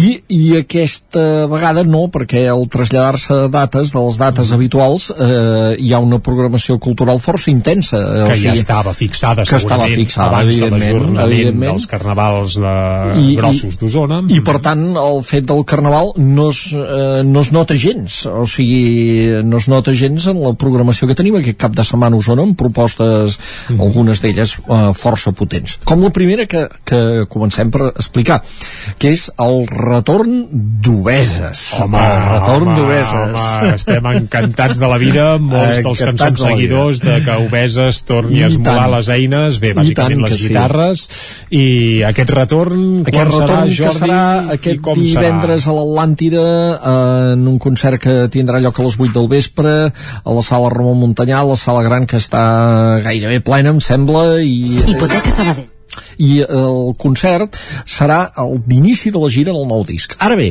també és veritat que l'Arnau Tordera va dir fa uns dies a les xarxes socials que aquest no seria un concert en què avançarien temes del nou disc, sinó que seria un repàs de la trajectòria. És, és el primer concert de la gira aquest d'aquí mm. Vic.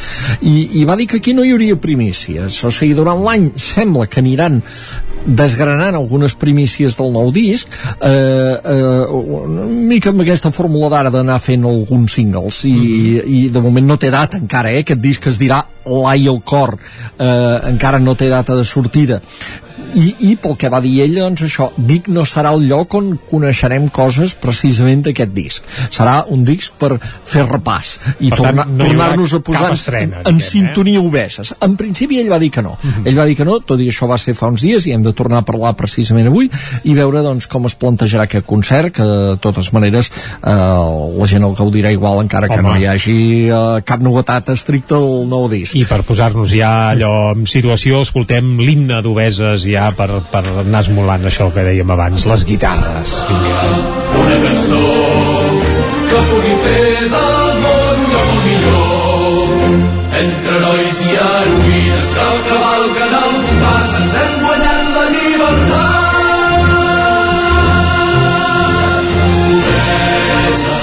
l'himne d'Obeses que serveix gairebé sí. sempre per encetar i també per tancar els concerts d'Obeses segur que sonarà a l'Atlàntida aquest divendres ja, ja, ens, ja ens hi veiem aquí I cantant, ja estàvem a punt de posar-nos sí, a cantar aquí i de peu dret, sí, de peu dret. dret sí, sí, per, per l'himne uh, un dels fi. pocs grups del món que té himne és que clar, és que els Obeses són genials i, i, i en tot, fins en tot, i tot amb aquestes tot, qüestions en tot mm. I, i de fet estaran en un dels llocs que ells consideren doncs emblemàtics que és l'Atlàntida perquè és el lloc on han presentat discos, on van estrenar l'òpera rock, la Verdaguer, Ombres i Maduixes, on van fer eh, l'últim concert de la gira anterior que es va estroncar, a més a més, amb la pandèmia, i va ser l'últim concert de l'Atlàntida, amb la Cobla Berga Jove i el Cor d'Obeses, un concert mític poc temps abans que ens tanquessin. Del també. qual, per cert, en van publicar un disc del abans de Nadal publicar un disc directe. Eh, magnífic el també. ressorgiment de l'Atlàntida. Sí, sí. Mm -hmm. I, I per tant és un lloc que a més a més ells el, el consideren emblemàtic en la seva trajectòria.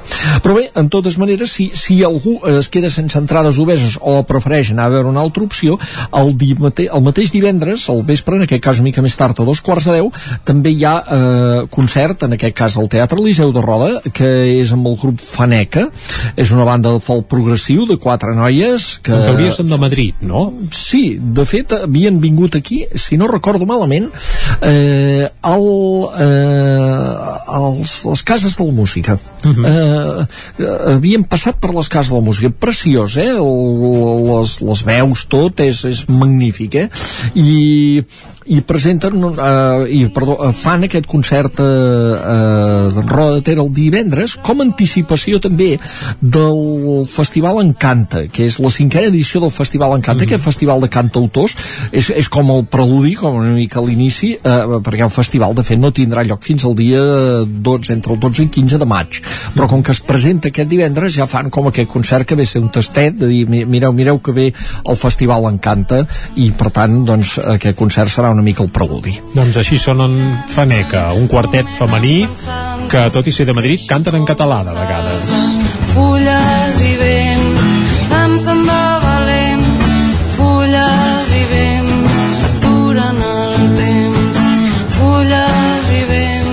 La veritat és que la posada en escena és brutal i la interpretació també, un concert que, bé, molt aconsellable, incompatible potser amb el d'Obeses, sí, per qüestions horàries. Obeses per horaris, però, interessant igualment. Mm -hmm. Més coses que tenim al cap de setmana, anem cap al dissabte, i el dissabte canviem de la música al teatre amb dues propostes, una d'elles és a l'Auditori Teatre de Call d'Atenes a les 7 de la tarda, i tenim eh, una, una obra de teatre, un muntatge que es diu La dona del tercer segona, és una, un muntatge dirigit per l'Ivan Benet, pel biguetà Ivan Benet, i en aquest cas protagonitzat eh, per l'actriu Àurea Márquez, eh, una dona que no està acostumada a parlar davant de la gent, que és d'estar sola, que eh, va a una reunió, tercer segona vol dir va a una reunió de l'escala, perquè ha de comentar amb els veïns una cosa important, que l'afecta a ell, els ha de demanar un favor incòmode. Aquesta obra, eh, expliquem-ho, eh, això és una mica el tastet eh, d'un argument que parla dels estigmes de les malalties mentals eh, i que és un muntatge molt interessant en aquest cas com dèiem eh, dirigit per l'Ivan Benet per, pel nostre actor i també director, I director ara últimament ja temps, també, cada sí. vegada més doncs, Mm. també en tasques de direcció Ivan Benet eh, el mateix dia, el dissabte també tenim eh, en dues sessions a dos quarts de set de la tarda i dos quarts de nou del vespre al Teatre de Sant Miquel de Balanyà un muntatge que es diu Iaia Iaia és un muntatge que de fet es va estrenar a l'Auditori de Call d'Atenes exacte, de fet va ser l'estrena és un muntatge que va néixer del moment del confinament de les eh, converses que hi havia per videoconferència i, i que moltes vegades eren amb la gent gran que no podia sortir de casa precisament i llavors tenien aquest contacte per primera vegada amb les tecnologies. I a vegades amb aquesta amb aquesta fórmula de, de comunicació deien coses sobre les seves vides que a vegades no deien en una conversa eh, cara a cara. I aquest fil el van agafar la companyia Mambo Project i aquí dintre d'aquesta companyia doncs hi ha usonencs com en Jordi Font i la Mireia Llamola i, i el van agafar per crear aquest muntatge iaies, iaia que eh, es podrà veure altra vegada a Sant Miquel de Balanyà doncs, en dues sessions, com dèiem, perquè l'aforament és petit, és un muntatge així molt de proximitat Mhm. i el teatre de Balanyà ja és petit, però aquesta vegada encara ho serà més. Hi haurà la meitat del seu aforament en cada una de les dues funcions. I caben unes 100 persones, doncs serà només unes 50 en cada una de les dues funcions. Eh, i després ens n'anem a diumenge, també amb teatre, en aquest cas de Torelló, després del Carnaval, algú mm -hmm. qui vulgui, doncs pot passar la ressaca carnavalera anant a veure una altra vegada representada a Osona, s'ha fet ja moltes vegades, el Vietnam de, de Víctor Sunyol, eh, interpretat per Lluís, Per Lluís Soler. Soler. Aquesta obra, doncs, que parla d'un actor que està a punt de representar un Shakespeare i eh, reflexiona llavors sobre Sembla ell una mateix. mica autobiogràfic, eh? El Lluís Soler, amb aquella veu de Lluís. D'alguna manera, sí, sí, sí. Tens aquesta sensació eh, però hi ha altres propostes a més a més perquè per exemple qui no vulgui teatre també té l'opció d'anar a veure eh, ballet, ballet amb el ballet de Barcelona a l'Atlàntida el diumenge això serà a les 6 de la tarda uh Mhm. -huh. i en una posada en escena de, de dues peces, una d'elles un gran clàssic el llac dels signes, molt bé Un però dels què, grans què té de del diferent? ballet, i tant. Però què té de diferent en aquest cas? La companyia aquesta del Ballet de Barcelona, que s'ha fundat recentment, l'ha muntat el Carles Renedo i el Jones, i dos, dos ballarins amb una trajectòria llarga i coreògrafs, i volen fer una companyia de dansa clàssica, però amb algunes coses molt actuals. És dir, eh, cossos no sempre normatius pel que s'entenen al ball. Eh, en el ball clàssic, la dansa clàssica. Eh, eh, presència ètnica diversa també i de gènere divers. I en aquest cas per exemple doncs el llac dels signes doncs serà una coreografia en què hi haurà eh, eh, igualtat paritat de, de gènere cosa que no sol passar en aquest cas. Eh, eh, i, i, i per tant tot això reflecteix algunes coses actuals, uns plantejaments que ells creuen que es poden anar introduint en, el, en la dansa clàssica. A part de la peça clàssica del llac dels signes n'hi haurà una que es diu Tongues, que de fet és eh, en anglès, eh, doncs en català llengües, eh, eh, que, és, que és una altra de les peces eh, una altra de les coreografies que es podran veure en aquesta, eh, en Funció aquesta de sessió, en aquesta funció de diumenge. Són una vintena de ballarins i creiem que val la pena per aquesta novetat que té en el plantejament de la dansa clàssica.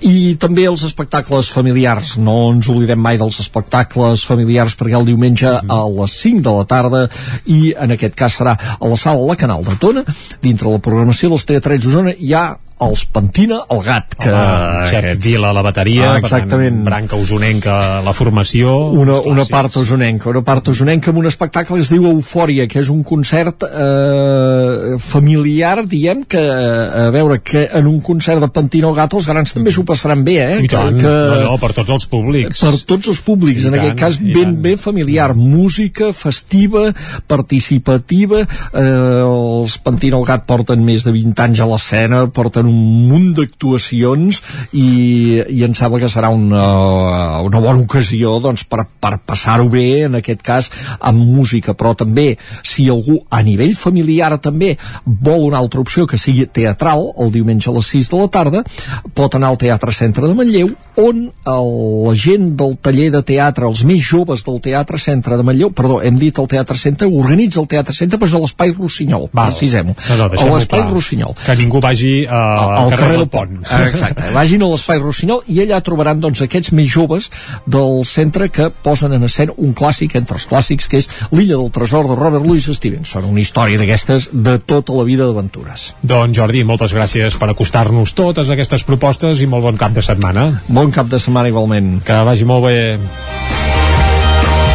I nosaltres, després de fer aquest repàs a propostes culturals per fer en l'àmbit del territori 17 durant aquest proper cap de setmana, el que hem de fer ja és anar-nos acomiadant. Això sí, us emplacem de nou a retrobar-nos demà. Com sempre, us farem companyia des de les 9 del matí i fins a les 12 del migdia. Fins llavors, salut i que vagi molt bé. A reveure.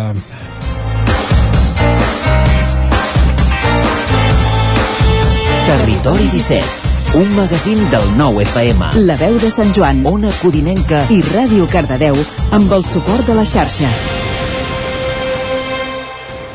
El nou FM.